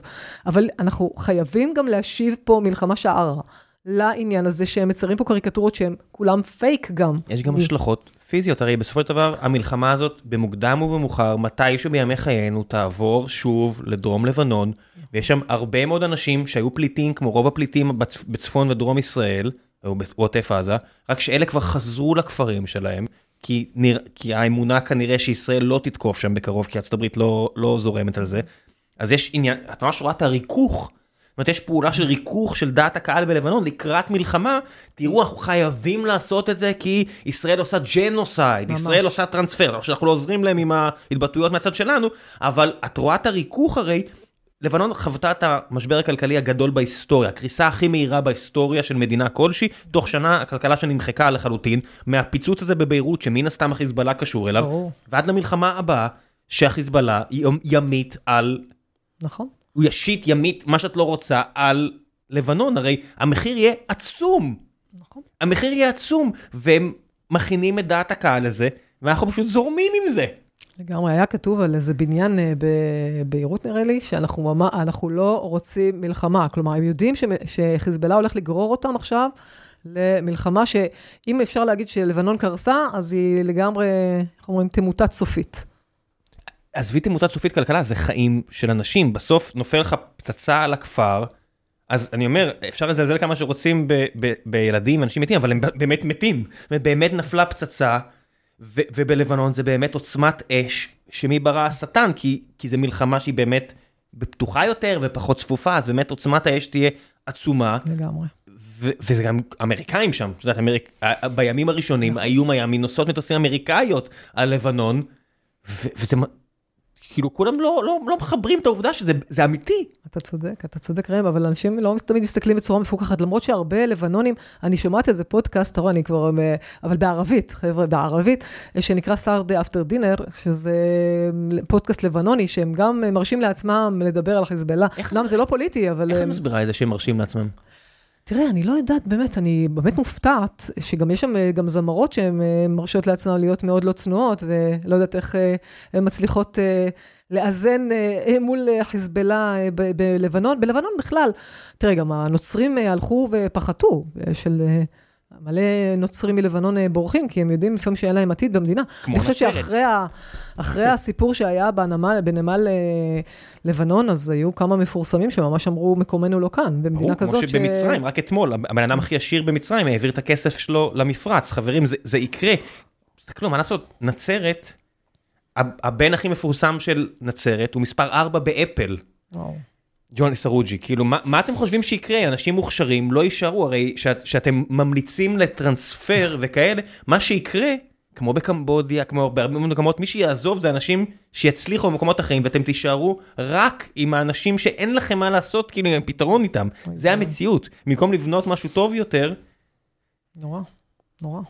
ז, ז, זו המציאות. ה- 2.3 מיליון אנשים לא ילכו לשום מקום. מי שילך, אם תלחצו מספיק חזק, זה היחידים שעוד יכולים לבנות משהו.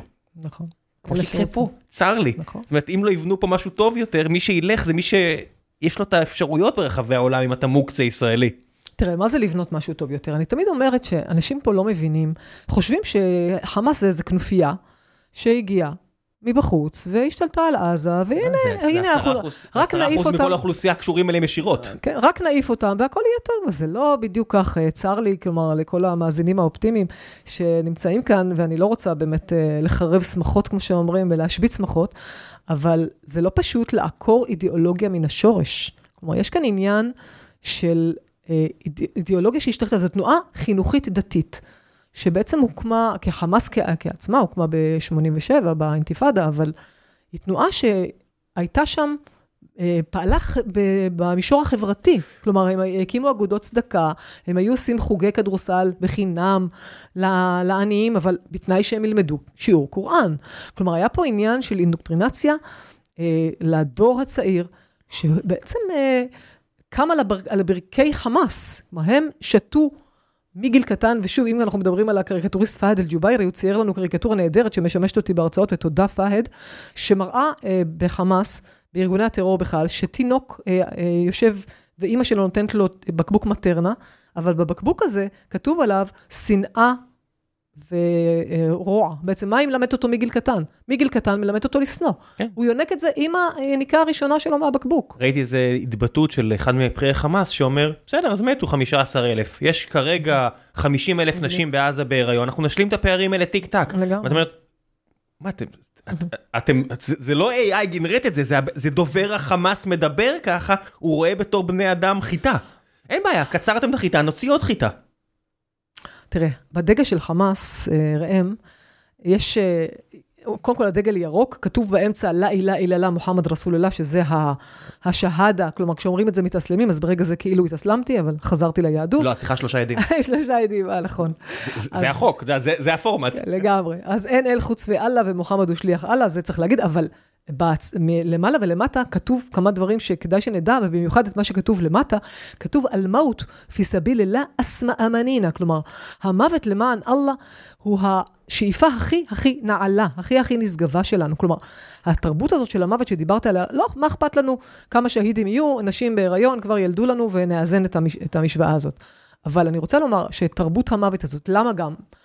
לא אכפת להם להיות שהידים, כי כשאתה שהיד אתה עולה ישר לגן עדן, ויש לך אה, בתולות, לפחות לפי חדיס אה, שהוא לא נכון, אבל לא משנה, 72 בתולות. דרך אגב, להיות שהיד, יש לנו גם פרק על להיות שהידית. כן, מה קורה באמת עם נשים הזה? לא, בבינת חלל יש לנו פרק שלם של על להיות שהידית, נא להסתכל ונא להאזין, אפשר גם ביוטיוב לראות אותנו.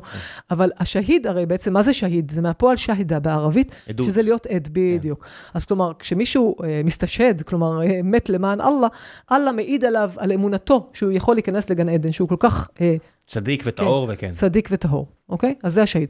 אבל יש פסוק בקוראן שאומר, אל תחשבו שמישהו שהיד הוא מת. הוא לא באמת מת.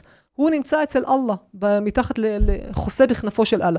כלומר, גם האמונה היא שנכון, אתם חושבים שהוא מת, אבל לא באמת מת, אוקיי? השהיד הוא לא באמת מת. אז גם האמונה הזאת דוחפת עוד אנשים להגיד, אני רוצה להיות שהיד, כי מילא אני כבר לא מת, כלומר, לא, אני לא באמת מת.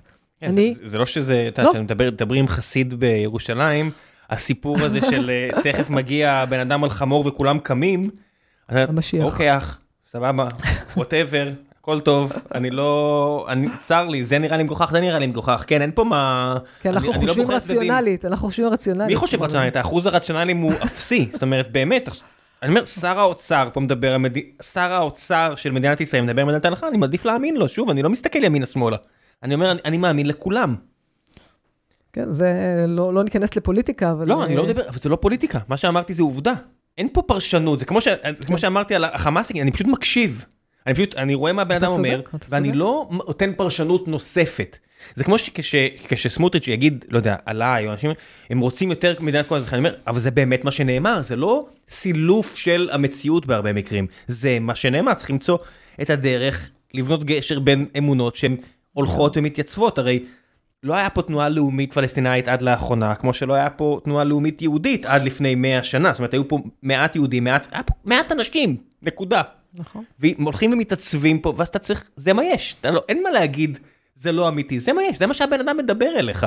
אתה צודק, תראה, צריך לבנות גשרים אה, בין אנשים. אני מאוד מאמינה גם בגשרים בין אנשים, בגלל זה, בזכות זה יש לי חברים אה, ערבים, שאני מדברת איתם מכל השכבות, וגם יש לי חברה באמירויות, שהיא, דרך אגב, אה, אני לא אגלה את שמה, אבל היא ממש איתנו במלחמה הזאת, כן, היא כל הזמן שואלת אותי מה שלומי, והיא איתנו, והיא אומרת, הכל פייק ניוז אצלנו, אז, אז קודם כל כיף שאפשר ליצור קשרים, קשרים באמת ב, אה, גם בזכות הערבית. אבל אני מאמינה בגשרים, אבל תראה, אה, תנועת חמאס זה משהו אחר לגמרי. כשאתה מבין את האידיאולוגיה שלהם, ומה בעצם המטרה הסופית שלהם, אה, שהם כותבים את זה שחור על גבי לבן באמנה שלהם, לא צריך, אה, איך אומרים, אה, אפילו לדעת ערבית, כי יש לזה אפילו תרגום.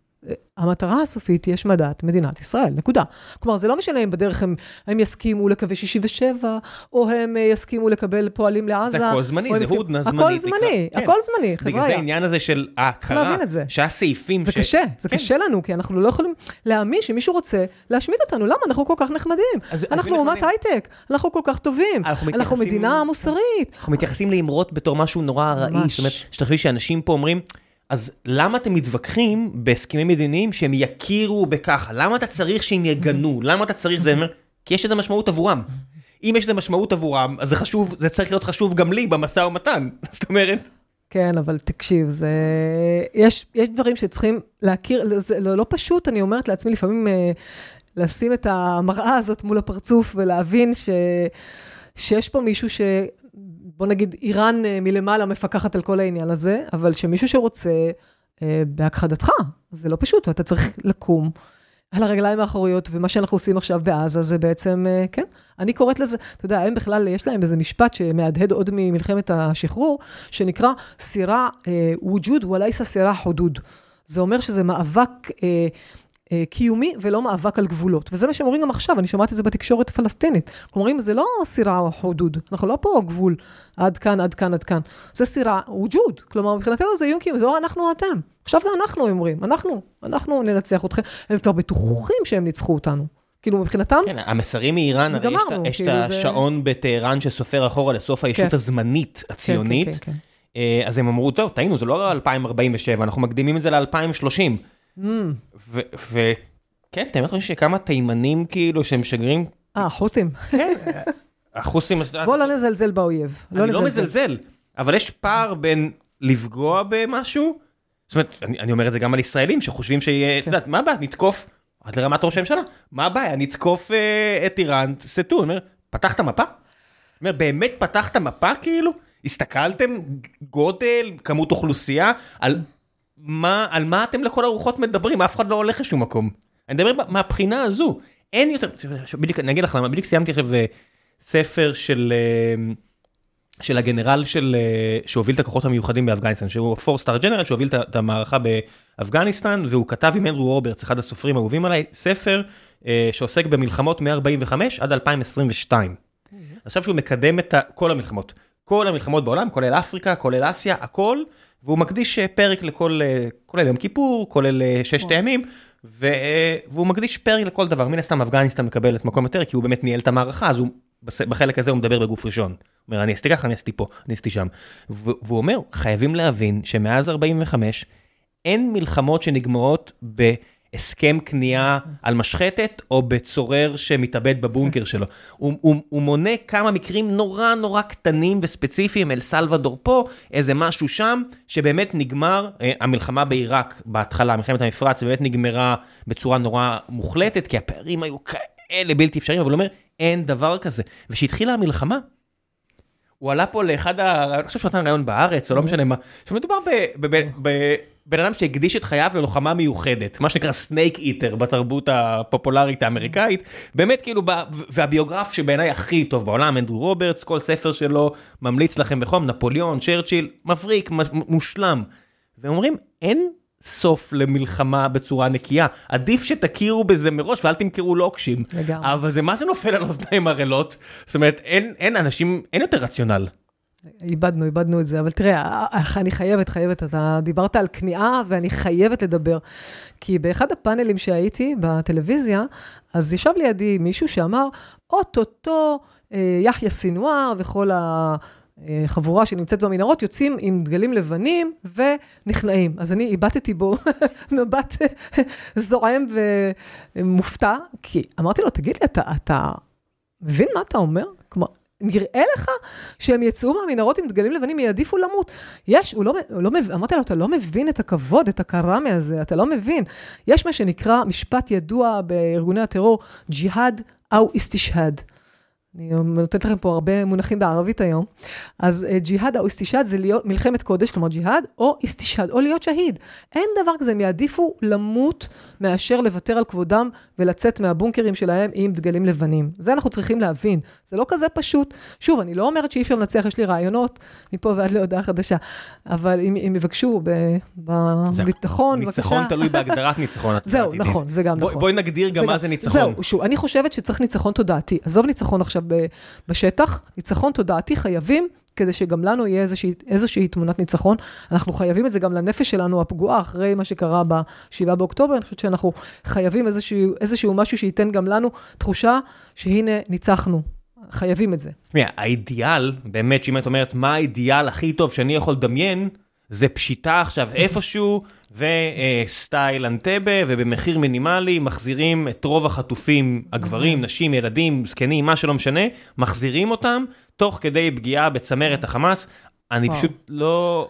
זאת אומרת, בתא שטח ששלטנו בו לחלוטין, כמעט, צפון הרצועה. שבאמת רמת החיילות ירדה פלאים ואנשים עשו שכונה שם קצת, מי ששלח לי תמונות יודע, ו... ו... ומשם יצאו חטופים. זאת אומרת, בעסקאות עכשיו, אנשים יצאו משם, בתא שטח ששלטנו. אבל יכול להיות שזה הונאה, יכול להיות שזה הונאה, שהם הביאו אותם לדרום הרצועה, עשו במנהרות, אבל בדרום הרצועה עכשיו יש אוכלוסייה כפולה. הרי מה כן. שהיה בצפון עבר נכון. לדרום, זה צפוף פי שתיים. זאת אומרת, זה כמו שב-48 יש ערבים שברחו, כי אמרו, וואו, מה היהוד הולכים לעשות לנו? ב-67... או שאמרו להם לברוח, כן, שתי אפשרויות. כן. בסדר, אמרו וחלק האמינו, חלק לא, עובדתית. כן. יש לנו פה המון אזרחים ערבים שפה הם חלק מהאזרחים בישראל שלא נכון, ברחו. נכון. כי הם לא האמינו שמשהו יקרה, נכון? אם, אם באמת היית רואה שיש טבח עם, טיהור אתני, היית בורח כי אתה מציל את החיים. ואם אתה מבין שזה לא הדבר, אז אתה לא בורח. ב-67, אף אחד כבר לא ברח, כן. כי הנה האמת, אין... אתה יודע, הם ידעו שאנחנו לא... אנחנו הולכים לדיר יאסין כל פעם, שמתווכחים אם זה 98, או 146, או 202. כן. אנשים שנרצחו שם. עכשיו שוב, כל אדם הוא ממלוא, תלמוד, yada yada, כל אדם הוא יקום, whatever. אבל אין פה תיאור אתני. לא היה פה תיאור אתני. נכון. יש אולי איום בכזה, שאפשר להתווכח, וג'וני מנסור מנסה לשכנע אותו שיגיע, והוא בטוח שהוא ייתן את הקונטרה לכל היהודים שמדברים, אבל עובדתית. נכון. הוא כאן. אבל מוכרים לנו שיש טיהור אתני, זה מה שאני שומעת כל הזמן ברדיו פלסטיני, تطهير عرقي קוראים לזה, כלומר, היהודים עושים פה טיהור אתני. תראו, אנחנו צריכים גם להבין עניין אחד ראם, שאנחנו איבדנו גם, וזה את העניין של התחבולות. אומרים, בתחבולות תעשה לך מלחמה, נכון? יש את המשפט הזה. אבל אנחנו קצת איבדנו את זה, אנחנו יותר מדי הולכים לפעמים אה, דוך מול ארגון טרור שכולו הונאה ותחבולות. ו... זה שעכשיו אתה אומר שהוציאו את החטופים בכוונה מצפון רצועה, היה בזה עניין תדמיתי. הם היו חייבים להראות שהנה, אה, אה, ישראל אומרת שהיא שולטת בשטח, והנה, דווקא אנחנו מוציאים את החטופים דווקא מצפון הרצועה, כן? אז אנחנו צריכים להבין גם שיש פה עניינים של תחבולות, ולא לקחת את הכל אה, בצורה אחת. ואם כבר מדברים על תחבולות, אני חייבת לספר עוד משהו אחד, אם יש לנו זמן. יש, יש לנו עוד רבע שעה. נהדר. אז אני אספר משהו אחד. אה, ביום כיפור, ה... בוא נגיד, הצליחה של התעלה נקראה עמליית בדר. ועמליית בדר, וגם אני מספרת את זה בהרצאה שלי על אה, קריקטורות מעצבות תודעת ניצחון, למה חשוב לי המשפט הזה, אה, אה, פעולת בדר, או מבצע בדר? מה זה בדר? בדר, ב-624, הנביא מוחמד יצא עם קומץ אנשים לשדוד איזו שי, שיירה שנסעה לכיוון מכה. הוא לא הצליח, חזר כלעומת שבא, אבל בעל השיירה שהגיע למכה אמר, רגע, אנחנו חייבים עכשיו להרוג את המוחמד הזה שמנסה לשדוד שיירות בדרך. הוציאו צבא אה, גדול מקורייש, אה, שבט קורייש במכה, הוציאו צבא מיומן עם נשק, שהגיע ואמר, תוך שנייה אנחנו גומרים את מוחמד הזה עם, עם האספסוף שלו, והם ישבו להם שמחים וטובי לב באיזה מקום שנקרא בדר, ושחטו גמלים ושתו יין, אבל מוחמד היה פיקח. הוא עשה תרגיל הונאה, תחבולה. איגף אותם, הצליח להרוג בהם, לקחת את השלל, ואפשר להגיד שהקרב הזה נחשב קודם כל לקרב היסטורי בתרבות הערבית, בהיסטוריה הערבית, כי מוחמד הפך לבר סמכה. בקרב הזה. גם מצביא וגם משדעת, לגמרי, בדיוק. ואז הקרב הזה משמש השראה עד עצם היום הזה. ואם שמעת את הנאום של מוחמד דף בתחילת המלחמה, שהשמיעו את זה אצלנו גם. ביום הראשון. שזה לוחמה פסיכולוגית. ב-10 בבוקר, 11 בבוקר זה יצא. בדיוק, הלוחמה הפסיכולוגית הזאת שהשמיעו לצערי הרב. אז הוא אומר שם, זה נקרא קרב בדר, מבחינתו. שימו לב, הכל, כי הצלחנו להפתיע, הצלחנו לעשות פה תחבולה. הולכנו שולל את ישראל, כל הזמן אמרו חמאס מורתע, חמאס מורתע. הגענו לגדר, חזרנו, הגענו לגדר, חזרנו. הצלחנו להוליך אותם שולל, והנה, זה קרב בדר. צריך להבין את העניין הזה של התחבולות, ו- וגם דיברתי על זה באיזשהו פעם שהייתי, כי אנחנו קצת איבדנו את זה, ואני חושבת שאנחנו צריכים לחזור לזה. זה כמעט לא מופיע בתרבות, באתוס המערבי, אם את חושבת על זה. כי זה שקר. מה כאילו. יש לך? אה, בדיוק. אז יש לך טרוג'נס, שזה בכלל טורקים, נכון? זאת אומרת, הסוס הטרויאני זה בכלל, זה לא באמת בני המערב. יש לך uh, קרב סטלינגרד זה רוסים שעשו שם הונאה בקנה מידה עצום והצליחו לנצח, הונאה כאילו צבאית. האתוס המערבי הוא אנחנו storming the beaches, אנחנו באים שאתם יודעים באיזה יום אנחנו נגיע. ממש ככה. זאת אומרת, הצד הלא מערבי, וזה צריך לקרוא דאגלס מרי כדי לראות, הוא תמיד אה, חוגג את העונה. זאת אומרת, המונגולים כבשו את העולם, במה היה התרגיל המונגולי? אנחנו, אנחנו uh, בורחים, אנחנו הפסדנו, אפ, חזרנו עליכם באיגוף. זה היה הטקטיקה המונגולית פעם אחרי פעם, אחרי פעם, אחרי פעם, נגד הערבים, נגד uh, מזרח אירופה עד הונגריה, זאת אומרת, זה היה, זה כל מה שהם עשו. גם בארצות ערב, כאילו, יש כמה קרבות הרי, זה לא רק בדר, זה גם uh, קרבלה ו- וכל מיני כאלה, שאת אומרת, כן, קרב קרבלה זה הקרב הידוע ש... סוכים, סוכים של מהקוראן על המגנים, ואת כל הדברים שהם לא עימות ישיר. זאת אומרת, זה אף פעם לא עימות ישיר, אנחנו נגיד לכם שאנחנו באים. בטח, כי הם ארגון טרור, הם יודעים שאין להם את הכוח של צבא ישראל. הנה החיזבאללה, ובגלל זה אני תמיד אומר, תסתכלו מה קורה פה, שהחיזבאללה כל כך לא ערבי. הוא אומר, אנחנו נכבוש את הגליל. הוא מתן תמונה נכון. שעברה ריטוש פוטושופ על כל בן אדם, כל בן אדם שם נראה כאילו באיזה מסיבה בדל, בתל אביב של ליין uh, גייז, באמת כולם כאילו מדוגמים, הזקן מסודר, שאת אומרת, אחי זה חיזבאלונים שיושבים במערב ומוצאים תמונה שלהם כאילו הם יוצאים למסיבה ביום שישי בערב, ואת רואה שהם מתנהגים שונה. הם מתנהגים שונה. בגלל זה, כאילו, זה, זה ברור, זה, זה, הם, לא, הם אומרים לך, הם מתנהגים במדינה מערבית, הם אומרים, הנה מה אנחנו הולכים לעשות. ועדיין לא הבאנו את הכבוד הראוי. כן, אנחנו צריכים, צריכים להאמין להם, ממש. אני, אני ממש בעד להאמין לכל מה שהם אומרים, לשמוע בשפת המקור, לדעת ערבית זה ממש ממש ממש חשוב, באמת, אני רואה את זה עכשיו, אה, כמה מעט אנשים אה, אנחנו יודעים ערבית, באמת, אנחנו מעטים שמסבירים את ישראל, אני בטוויטר עושה מאמצים, אבל זה, זה ממש עצוב לי, זה עצוב לי ש... איך זה קרה בעצם שזה, מה, זה, זה הלימודי, אה, זאת אומרת, איך, איך את רכשת הערבית שלך? אז אני, קודם כל, בחרתי מגמת ערבית בתיכון בויאר בירושלים. אה, המשכתי ל-8200, אחר כך... אבל הלימודי ערבית בתיכון, הרי ישב פה, העורך כן. הקודם היה רועי קייס, מתאגיד השידור, והוא אומר, למדתי בתיכון פה בתל אביב, והרמה הייתה מאוד ירודה. הוא אומר, הייתי צריך להמשיך רק בצבא ובעצמי ללמוד ולהעמיק ולשלוט בשפה, כי לא, לא קיבלתי את הכלים. אה, תראה, בתור אה, מפקחת במשרד החינוך, אה, אסור לי לירוק לבאר שממנה אני שותה, לכן אני לא אדבר על לימודי ערבית. אפשר להגיד על ארגון שהוא לא מספיק טוב, הוא צריך להשתפר. אני אומר את זה על ארגון שלי, אז את יודעת, זה לא, אני לא אומר שאי אפשר לתקן, רק צריך לתקן, כן. צריך להעלות את הרמה. כעידית בר, לא כמי כן. ממשרד החינוך, חושבת שבהחלט צריך להקנות ערבית מדוברת ברמה מאוד גבוהה. צריך אחר כך גם ערבית ספרותית, כלומר לדעת לקרוא, לכתוב. אני חושבת שגם חייל, נגיד, שנכנס עכשיו לעזה, או לכל, לג'נין, לא משנה, והוא רואה דברים שכתובים על הקירות, או רואה חנויות שכתוב עליהן בערבית, והוא לא מבין לאן הוא נכנס. עצם זה שאתה יודע את השפה, אתה יודע לקרוא, אה, אתה יודע שפה זה בית מרקחת, ושמישהו אומר לחבר שלו דבר, אה, והוא לא מתכנן פיגוע, הוא בסך הכל אומר לחבר שלו, בוא תראה משהו. אז זה זה אחרת שאני יודעת את השפה, אני מבינה איפה אני נמצאת, אני אולי פחות מאוימת במידה מסוימת. שוב, אני לא אומרת שאני, נכון שסבתי, זיכרונה לברכה, ניצלה בזכות אה, אה, לימוד, בייחוד זה שהיא דיברה ערבית כמו ערבייה. מה, מה, מה הסיפור? סבתי אה, גדלה בסילואן, בעיר העתיקה בירושלים. גדלה, נולדה כאילו? לא, לא נולדה שם, היא באה מאיראן, היא פרסייה גאה. היא הגיעה מאיראן, אבל גדלה, היא הייתה... עם אלה שהגיעו בלי זה? לא, היא הגיעה עם אימא שלה, היא הייתה... זאת אומרת, היא הגיעה, יש לי דוד שהגיע והמצאנו לו יום הולדת, זאת אומרת, הוא הלך לעולמו, אבל מאלה שהגיעו מפרס ו... כן, גם סבתא שלי לא ידעה מתי היא נולדה. אה, אוקיי, אז כזה. ממש לא. כן. והיא הגיעה עם אימא, כי האב נשאר באיראן. והם הגיעו לפה שתיהן, גרו בשכונה יהודית בסילואן, בכפר, בכפר השילוח. וב-1921, כשסבתא שלי הייתה בת 14, אה, פלשו כנופיות אה, רצחניות מחוץ לסילואן, רצחו, אנסו, שרפו, כל, כל מה שעושים, ב... כן. כל מה שעושים, זה לא תרפ"ט, זה היה ב-21, זה היה לפני כן. תרפ"א. אה, תרפ"א, כן, בהחלט. וממש כמו ששמענו ב-7 באוקטובר, אבל סבתי ניצלה אה, בזכות זה שחשבו שהיא ערבייה, ולא נגעו בה לרעה. וסבתא... היא ידעה פרסית. נכון, היא גם ידעה פרסית וגם ידעה ערבית, כי היא גדלה בעיר העתיקה בירושלים. אה, היא קלטה ערבית אה, כילדה. סבתא שלי בכלל ידעה הרבה שפות, כן, כן. ואלייך, איזה שפה היא דיברה? אז זהו, אז סבתא שלי, כשהייתי ב-8200, כששירתתי בגלילות, אז גרתי אצל סבתא שלי ברעננה, כי היה לי יותר קל להגיע מגלילות לרעננה מאשר לנסוע להורים שלי שגרו אז בירושלים. זאת אומרת, אם אני עושה את הגיל שלך, נכון, ואני יודע את הגיל שלך... עתיקת יומין אני. נכון, אבל אני יודע את הגיל שלך, אבל את היית במחזור השני-שלישי של 8200, זאת אומרת, 8200 הוקמה שנה לפני שהתגייסת בערך, לא? אה, יכול להיות, אני לא בדקתי את לא, אבל הגעת, זה היה ממש כלום בפיתה, לא? זה היה ממש חדש. יכול להיות, יכול להיות. לא, את לא זוכרת את זה ככה? היינו בקור, הייתי בקורס אה, אולפן, למדנו ערבית, כמו שצריך. איך הייתה החוויה? אה, חוויה מדהימה, מדהימה. זאת אומרת, הגעת לצה"ל מרוסק מנטלית ו...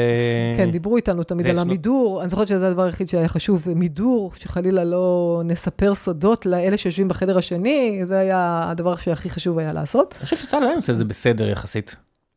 כן. יש הרבה דברים שעשינו ועושים, כן, ואנשים כן, כן. מסתובבים, כאילו, יחסית לאומה קשקשנית. לגמרי. אחד המשקיעים שלנו, מפקד 8200, אה, פנחס בוכיס, הוא היה פה, והוא לא ילד והוא ידע לשמור על הכל, אה, גם שבשיחות שלי כן. ושלו, זה תמיד היה נורא כל כך כן. חשוב לו העניין של ה... נכון, אז תראה, אני חושבת שהערבית, אתה בונה אותה לבד, כלומר, נכון שהייתי ב-8200 ולמדתי, ואחר כך אה, גם לימדתי בשב"כ ובשאר המקומות, אבל בסופו של דבר, אתה, אם אתה לא אה, יושב ושומע סרטונים, וכל הזמן מנסה לדבר בערבית, ומשפר את הערבית שלך יום-יום. יש לי פנקס שאני הולכת איתו לכל מקום, או אפילו בתיק שלי פה, אני רושמת, אם אני שומעת ברדיו איזושהי מילה שאני לא מכירה, או באיזושהי תוכנית אירוח, משהו שאני לא מכירה, אני רושמת, אני לומדת כל הזמן, אתה יודע, אני אומרת לעצמי, באמת, צריך להיות צנועים גם. השפה הערבית היא שפה מאוד עשירה. אני לא יכולה לבוא ולהגיד, אוי, אני דוברת ערבית. שוב, זה שאני עולה ל-BBC בערבית... אני עכשיו קורא ספר של כן. סופר מצרי, אה, אה, בית יעקוביאן. אה, בית יעקוביאן, בטח, קראתי אותו גם בערבית. יש מלא ספרות אה, ערבית, זאת אומרת, בכל שפה כמו ספרדית, רוסית, שפות שיש הרבה ספרות, נכון. ויש הרבה אנשים מדברים, זה שפות עשירות. זאת אומרת, הערבית שלך היא ערבית של ישראלית? אז זהו, אז תראה, היה לי קטע שנסעתי עם איזה נהג בדואי, היה לי הרצאה בגילו בירושלים, אז העדפתי לנסוע עם מונית, והוא לוקח אותי, ודיברתי איתו בערבית, והוא בטוח שאני ערבייה. כלומר, הוא מתחיל לספר לי על המשפחה שלו, ואשתו, והבנות שלו, ואנחנו מדברים ככה רבע שעה. ואז uh, ראיתי שהוא, הבנתי לפי ה... משהו, איך שהוא מדבר, שהוא חושב שאני ערבייה. הבנתי את זה כבר. ואמרתי, עידית, את לא... את זה לא, לא יפה, מה? זה לא יפה. כלומר, את צריכה לגלות לו את האמת. מה? ואז... אנחנו, נוס, אנחנו נוסעים, ואז אני אמרתי לו, אצלנו בבתי הספר היהודיים אה, מלמדים ערבית פוסחה, כלומר ערבית ספרותית ולא ערבית אה, מחקיה, ערבית מדוברת. פתאום הוא כמעט עשה תאונה, אני אומרת לך, הוא היה ככה עם ההגה, כמעט עשה תאונה, אמר לי, אמר לי, אני אני מנסה כל הזמן הרי לראות מה המבטא שלך, ולשייך אותך לאיזשהו... אם זה חברון, רמאללה, כן, דרך אגב, זה דבר ידוע, ולשומעים של המקש... לאלה שמאזינים, שערבי פוגש ערבי, הדבר הראשון שהוא מנסה לעשות, זה לזהות מאיפה הוא בא, מאיזה עיר הוא, מאיזה עיר הוא, מאיזה כפר הוא. כי הביטויים שונים כן, קצת. כן, כן, אז כן. הוא ישר, אז כל הזמן ניסה לעלות על, דרך איך שאני דיברתי, מאיפה אני. ואז הוא אמר, כל הזמן אני מנסה כבר רבע שעה לחשוב מאיזה כפר את, מאיזה עיר את. ואמר, חשבתי לעצמי שכנראה שאת מחיפה. ועכשיו אני מבין שאת בכלל יהודייה, ועכשיו אני מבין. כי לי יש אה, בליל של להגים, כלומר, מצד אחד למדתי את הלהג הירושלמי, מצד שני בצבא... מה זה להג? להג, יש להגים. שימוש בניבים? זה, זה סוג של ניב, כן, קצת שונה. זה צורת הגייה? למשל, אם אני אומרת אל-קודס ולא אל-קודס, ירושלים. אוקיי, זה צורת הגייה. כן, בדיוק, צורת הגייה. זה לא ניב. לא, יש גם לא מילים לא שונות. יש גם מילים שונות. למשל, יש, אה, לא יודעת, נגיד אה, חדר זה רורפה, אבל בצפון יגידו אורדה, זה חדר. אז מילים אחרות גם. או עכשיו יגידו הלאה, יגידו איסה בצפון. אז זה, יש מילים שונות. זה הופך אה, ריגול והכל למשימה ממש קשה. זה ממש קשה, זהו, צריך לדעת את המבטא. אז אני אומרת שכשהוא דיבר איתי, אז הוא ניסה לחשוב מאיפה אני, מאיפה אני, כי אני מכניסה לפעמים את איסה ולפעמים זה. גם כשאני מדברת עם חברות שלי, אם אני יודעת שהיא מהצפון, אז אני אגיד לה איסה עכשיו, אבל אני מדברת עם חברה שלי מירושלים, ערבייה, אז אני אגיד לה הלאה עכשיו. אז אני גם מנסה אצלי לעשות את השינוי במוח. ו- זה ו- משתנה? כמו שנגיד פעם היה... אה, שיח ירושלמי שאין יותר, את יודעת, מילים ירושלמיות. אה, אצלנו עם ה... כן. כן. עם המעתיים, עם המעתיים הירושלמיים. אז בבאר שבע יש נגיד את הייחוד, אתה לא אומר בית החולים, אתה אומר בית חולים. זאת אומרת, באר שבעים בני 40 פלוס יודעים שיש, אתה כפית סוכר, אתה מאחד כל שתי מילים, זה עילג, אבל זה מה שזה, ככה, זאת אומרת, לקח לי הרבה שנים לא להגיד בית חולים, אני אומר בית החולים עכשיו, אבל שעד גיל מסוים זה בית חולים. אה, זה באר שבעי כזה. אה, אז וזה נעלם, זאת אומרת, אני מנסה להבין למה בתרבות הערבית... אצלם זה נשאר לגמרי. איך זה? נשאר לגמרי, כי מקומות היו סגורים בתוך עצמם, ושימרו את הלהג. ויש ממש תוכניות שאני רואה, אה, שהן מצחיקות אותי, שמגיע ערבי, והם עושים ממש אה, תחרות מילים. כלומר, האם אתה יודע מה זה, נגיד, אודה, חדר? אז הוא אומר לה, לא, אולי זה שירותים. אז הוא אומרת לו, לא, זה חדר. למה, כאילו, למה היא לא מכירים, לא מכירים, לא מכירים. היא נורא קרובה בקונטקסט. אה, נכון, אבל זה לא... למה? כי, לא השורש מספיק דומה? אין לי מושג איך נוצרו הלהגים האלה, אבל מהמקום עצמו, המקומיים פשוט יצרו לעצמם איזשהו... זה נכון לגבי כל המזרח התיכון, הרי בארץ זה כל כפר. נכון, נכון. זה חברון לעומת נכון. אה, רמאללה, שזה מרחק יריקה. לגמרי. אבל המזרח התיכון הוא עצום. אז, נכון. אז מה, בסעודיה, שזו מדינה שהיא חצי אירופה, יש כל כך הרבה להגים? בוודאי, תראה, בתוך סעודיה אני משערת שכן, אבל אפילו החבר המרוקאי שלי, שסיפרתי שהגיע אליי, הגיע לפה לארבעה ימים לתל אביב, אז פחדתי בהתחלה איך אני אדבר איתו. רגע, ערבית זה שפת אם שלו? זהו, אז זהו, לא. זה לא ברברית? הוא מרוקאית, הוא מדבר מרוקאית, עכשיו אני לא יודעת מרוקאית. איך קוראים לזה ברברית? לא מרוקאית, אה, גם ברברית, יש גם ברברית, שפה ברברית, אבל הוא מדבר, הוא יודע ערבית, כי הוא למד בבית הספר ערבית, כמו שאני למדתי בבית הספר ערבית. ודיברנו בינינו בערבית, ואני אומרת לך, במשך ארבעה ימים שהוא היה פה, לא היה פעם אחת שהוא לא הבין אותי. כלומר, הצלחתי לדבר אה, בצורה שתתאים לו. כלומר, תמיד בחרתי את המילים היותר ספרותיות, כדי שהוא יוכל, אה, לא, השתדלתי פחות בערבית מדוברת, אלא יותר בערבית ספרותית. כלומר, ממש אימצתי את ה, בכל משפט את המוח כדי לדבר איתו בצורה ש... זה מעייף, אבל כן, אבל, יצא, הצלחנו, יצא אבל הצלחנו לדבר מאוד יפה. יצא לך להיות במדינה ערבית? בטח. באמירויות הייתי כמה וכמה פעמים. איך שם? גם, גם עסקים וגם בחברות. והם מבינים שאת כאילו הם יודעים לזהות? את יכולה להגיד מה שאת רוצה? הם לא יודעים לזהות, כלומר הם מאוד, אה, בוא נגיד שרכשתי לי שם, כולם קראו לי הדוקטורה, הדוקטורית, כל חנות שנכנסתי ודיברתי, ואז... כי אה, מה, כי השליטה שלך בתרבות והשפה... אה, מאוד אהבו את זה. ואת מרגישים את האקדמיות? מאוד אהבו את זה, שאני מדברת איתם בערבית, ברמה גבוהה. קודם כל משבחת את המדינה, שזה דבר מאוד, אמרנו, דיברנו על הכבוד, אז אני באה, אני אומרת להם איזה מדינה יפה, ואיך דובאי יפה, כשהייתי באבו דאבי גם אמרתי להם איך אבו דאבי יפה, כלומר אתה... טוב, זה לא חוכמה, אתה יודע איך, היא באמת. יפה, היא באמת כן, יפה, זה לא הייתי צריכה. לשקר. כן. אבל כן, אתה בהחלט אה, יודע איך אה, ללטף להם את האגו, לדבר והם איתם יודעים, נגיד, בערבית. ש- ש- שאת מגיעה נגיד למקום כזה, את יכולה להגיד שאת מכל מקום במזרח התיכון, או שהם יודעים שככה לא מצרית לא מדברת ככה? אז אני אגלה סוד. אני, תלוי. כשנסעתי עם אה, נהג, נהג מונית מצרי, לא אמרתי לו שאני מישראל, אבל למדתי שיטה, וזה בזכות איזה חבר מהפייסבוק, אה, להגיד, שואלים אותך מנואן אינטי, מאיפה את? אני אומרת, אנא מן, אל-קודס, אני מירושלים. עכשיו, ברגע שאני אומרת אני מירושלים, אני לא צריכה להגיד אם אני ערבייה, אם אני יהודייה, אם אני פלסטינית, אם אני ישראלית, כלום. אנא מן אל-קודס, וזה פותר לי את כל אבל זה הבעיות יכול להיות הכל, גם אדוארד מייעצת סעיד, למאזינים לא- שלנו לעשות את אותו הדבר. אבל גם אדוארד סעיד אומר שהוא מאל-קודס והוא בכלל לא היה שם, זאת אומרת, הוא לא היה שם יום אחד בחייו. הוא היה שם, לא יודע, איזה שבועיים שהוא היה תינוק, או לא יודע מה. אבל גם הוא יגיד אל-קודס, אני מניח, כי זה- כי זה כבר נהיה אמרה פוליטית, אני מאל-קודס. כן, כן, אז זהו. אז אני מלכות, זה עוזר לי מאוד במדינות ערב, כשאני מסתובבת שם, להגיד, אה, עכשיו, האמת שיום לפני השבת השחורה חזרתי מאיסטנבול, ואני אני בושה בכך, כן, באמת, ממש למה? מתביישת. לא, כי אני לא הייתי רוצה עכשיו להיות ב- באיסטנבול כשאני שומעת מה ארדואן אומר עלינו. הכל טוב, זה עדיין שותפת, לא אחת משותפות הסחר, הסחר הגדולות של ישראל, כן? עד כן, היום. זה נכון. מסחר זה לא. בוא נגיד, יחסים אה, דיפלומטיים לחוד, והמסחר לחוד. אם אני לא טועה, הבן אדם שכבש את ישראל פעם, אמר שלכסף אין ריח, אספסיאנוס. אה, הוא אמר את זה על כסף מביוב, כן? אה, את נכון? יודעת. אז אלחמדולillah, היחסים הכלכליים נמשכים גם עם האמירויות וגם עם... ואני רוצה רק לומר בהערה מוסגרת ככה, שיש מדינות בעולם הערבי שמשתוקקות, באמת, אני אומרת משתוקקות, שנמוטט את חמאס, יותר מאיתנו. הן אה, באמת אה, לא, לא אוהבות את ארגון הטרור הזה, הוא מטריד אותם, גם מכיוון שהוא אה, סניף של האחים המוסלמים, אז אנחנו צריכים, אולי, לא, לא, הם לא יגידו את זה בראש חוצות, הם לא יגידו את זה בצורה פומבית, אבל בהחלט בחדרי חדרים, ואני שומעת את זה, יש מדינות ערב, שאני חלילה לא אחשוף את לא- זהותן, לא- לא רק... שרוצות מאוד מאוד להיפטר מארגוני הטרור. מצרים משתפת איתנו פעולה. זאת אומרת, בכל מפה, תסתכלו, יש ל... יש ל... זאת אומרת, כן נכנס מן הסתם המון כלי נשק דרך רפיח, אבל מצרים משחקת קצת משחק כפול, בוא נגיד את האמת. רק משולש ומרובע. זאת אומרת, בסוף חלק אה, לא, מהספונסרים בוא לא נתלהב לא ממנה ולא מקטאר, אוקיי? קטאר... אין מה אה, להתלהב, זה קטאר זה זה אל-ג'זירה וזה המזוודות כסף להניע והם מארחים אותם בדוחה למרות שעכשיו אנחנו כבר יודעים שאת התמונה המפורסמת הזו, הסרטון שהם מתפללים בשבת בבוקר, ראינו, זה ראינו. באיסטנבול, נכון. זה לא בקטאר. הם ברחו באותו יום, כן. מה זה הם ברחו באותו יום? אנחנו לא יודעים אם זה באותו יום או יום לפני, אולי יום אה, לפני, נכון. כי אני מניח, אני מניח שמתוך כבוד לאמיר, הם לפחות ידעו אותו, אם הם ידעו, ואני לא מאמין אוקיי. שהם ידעו.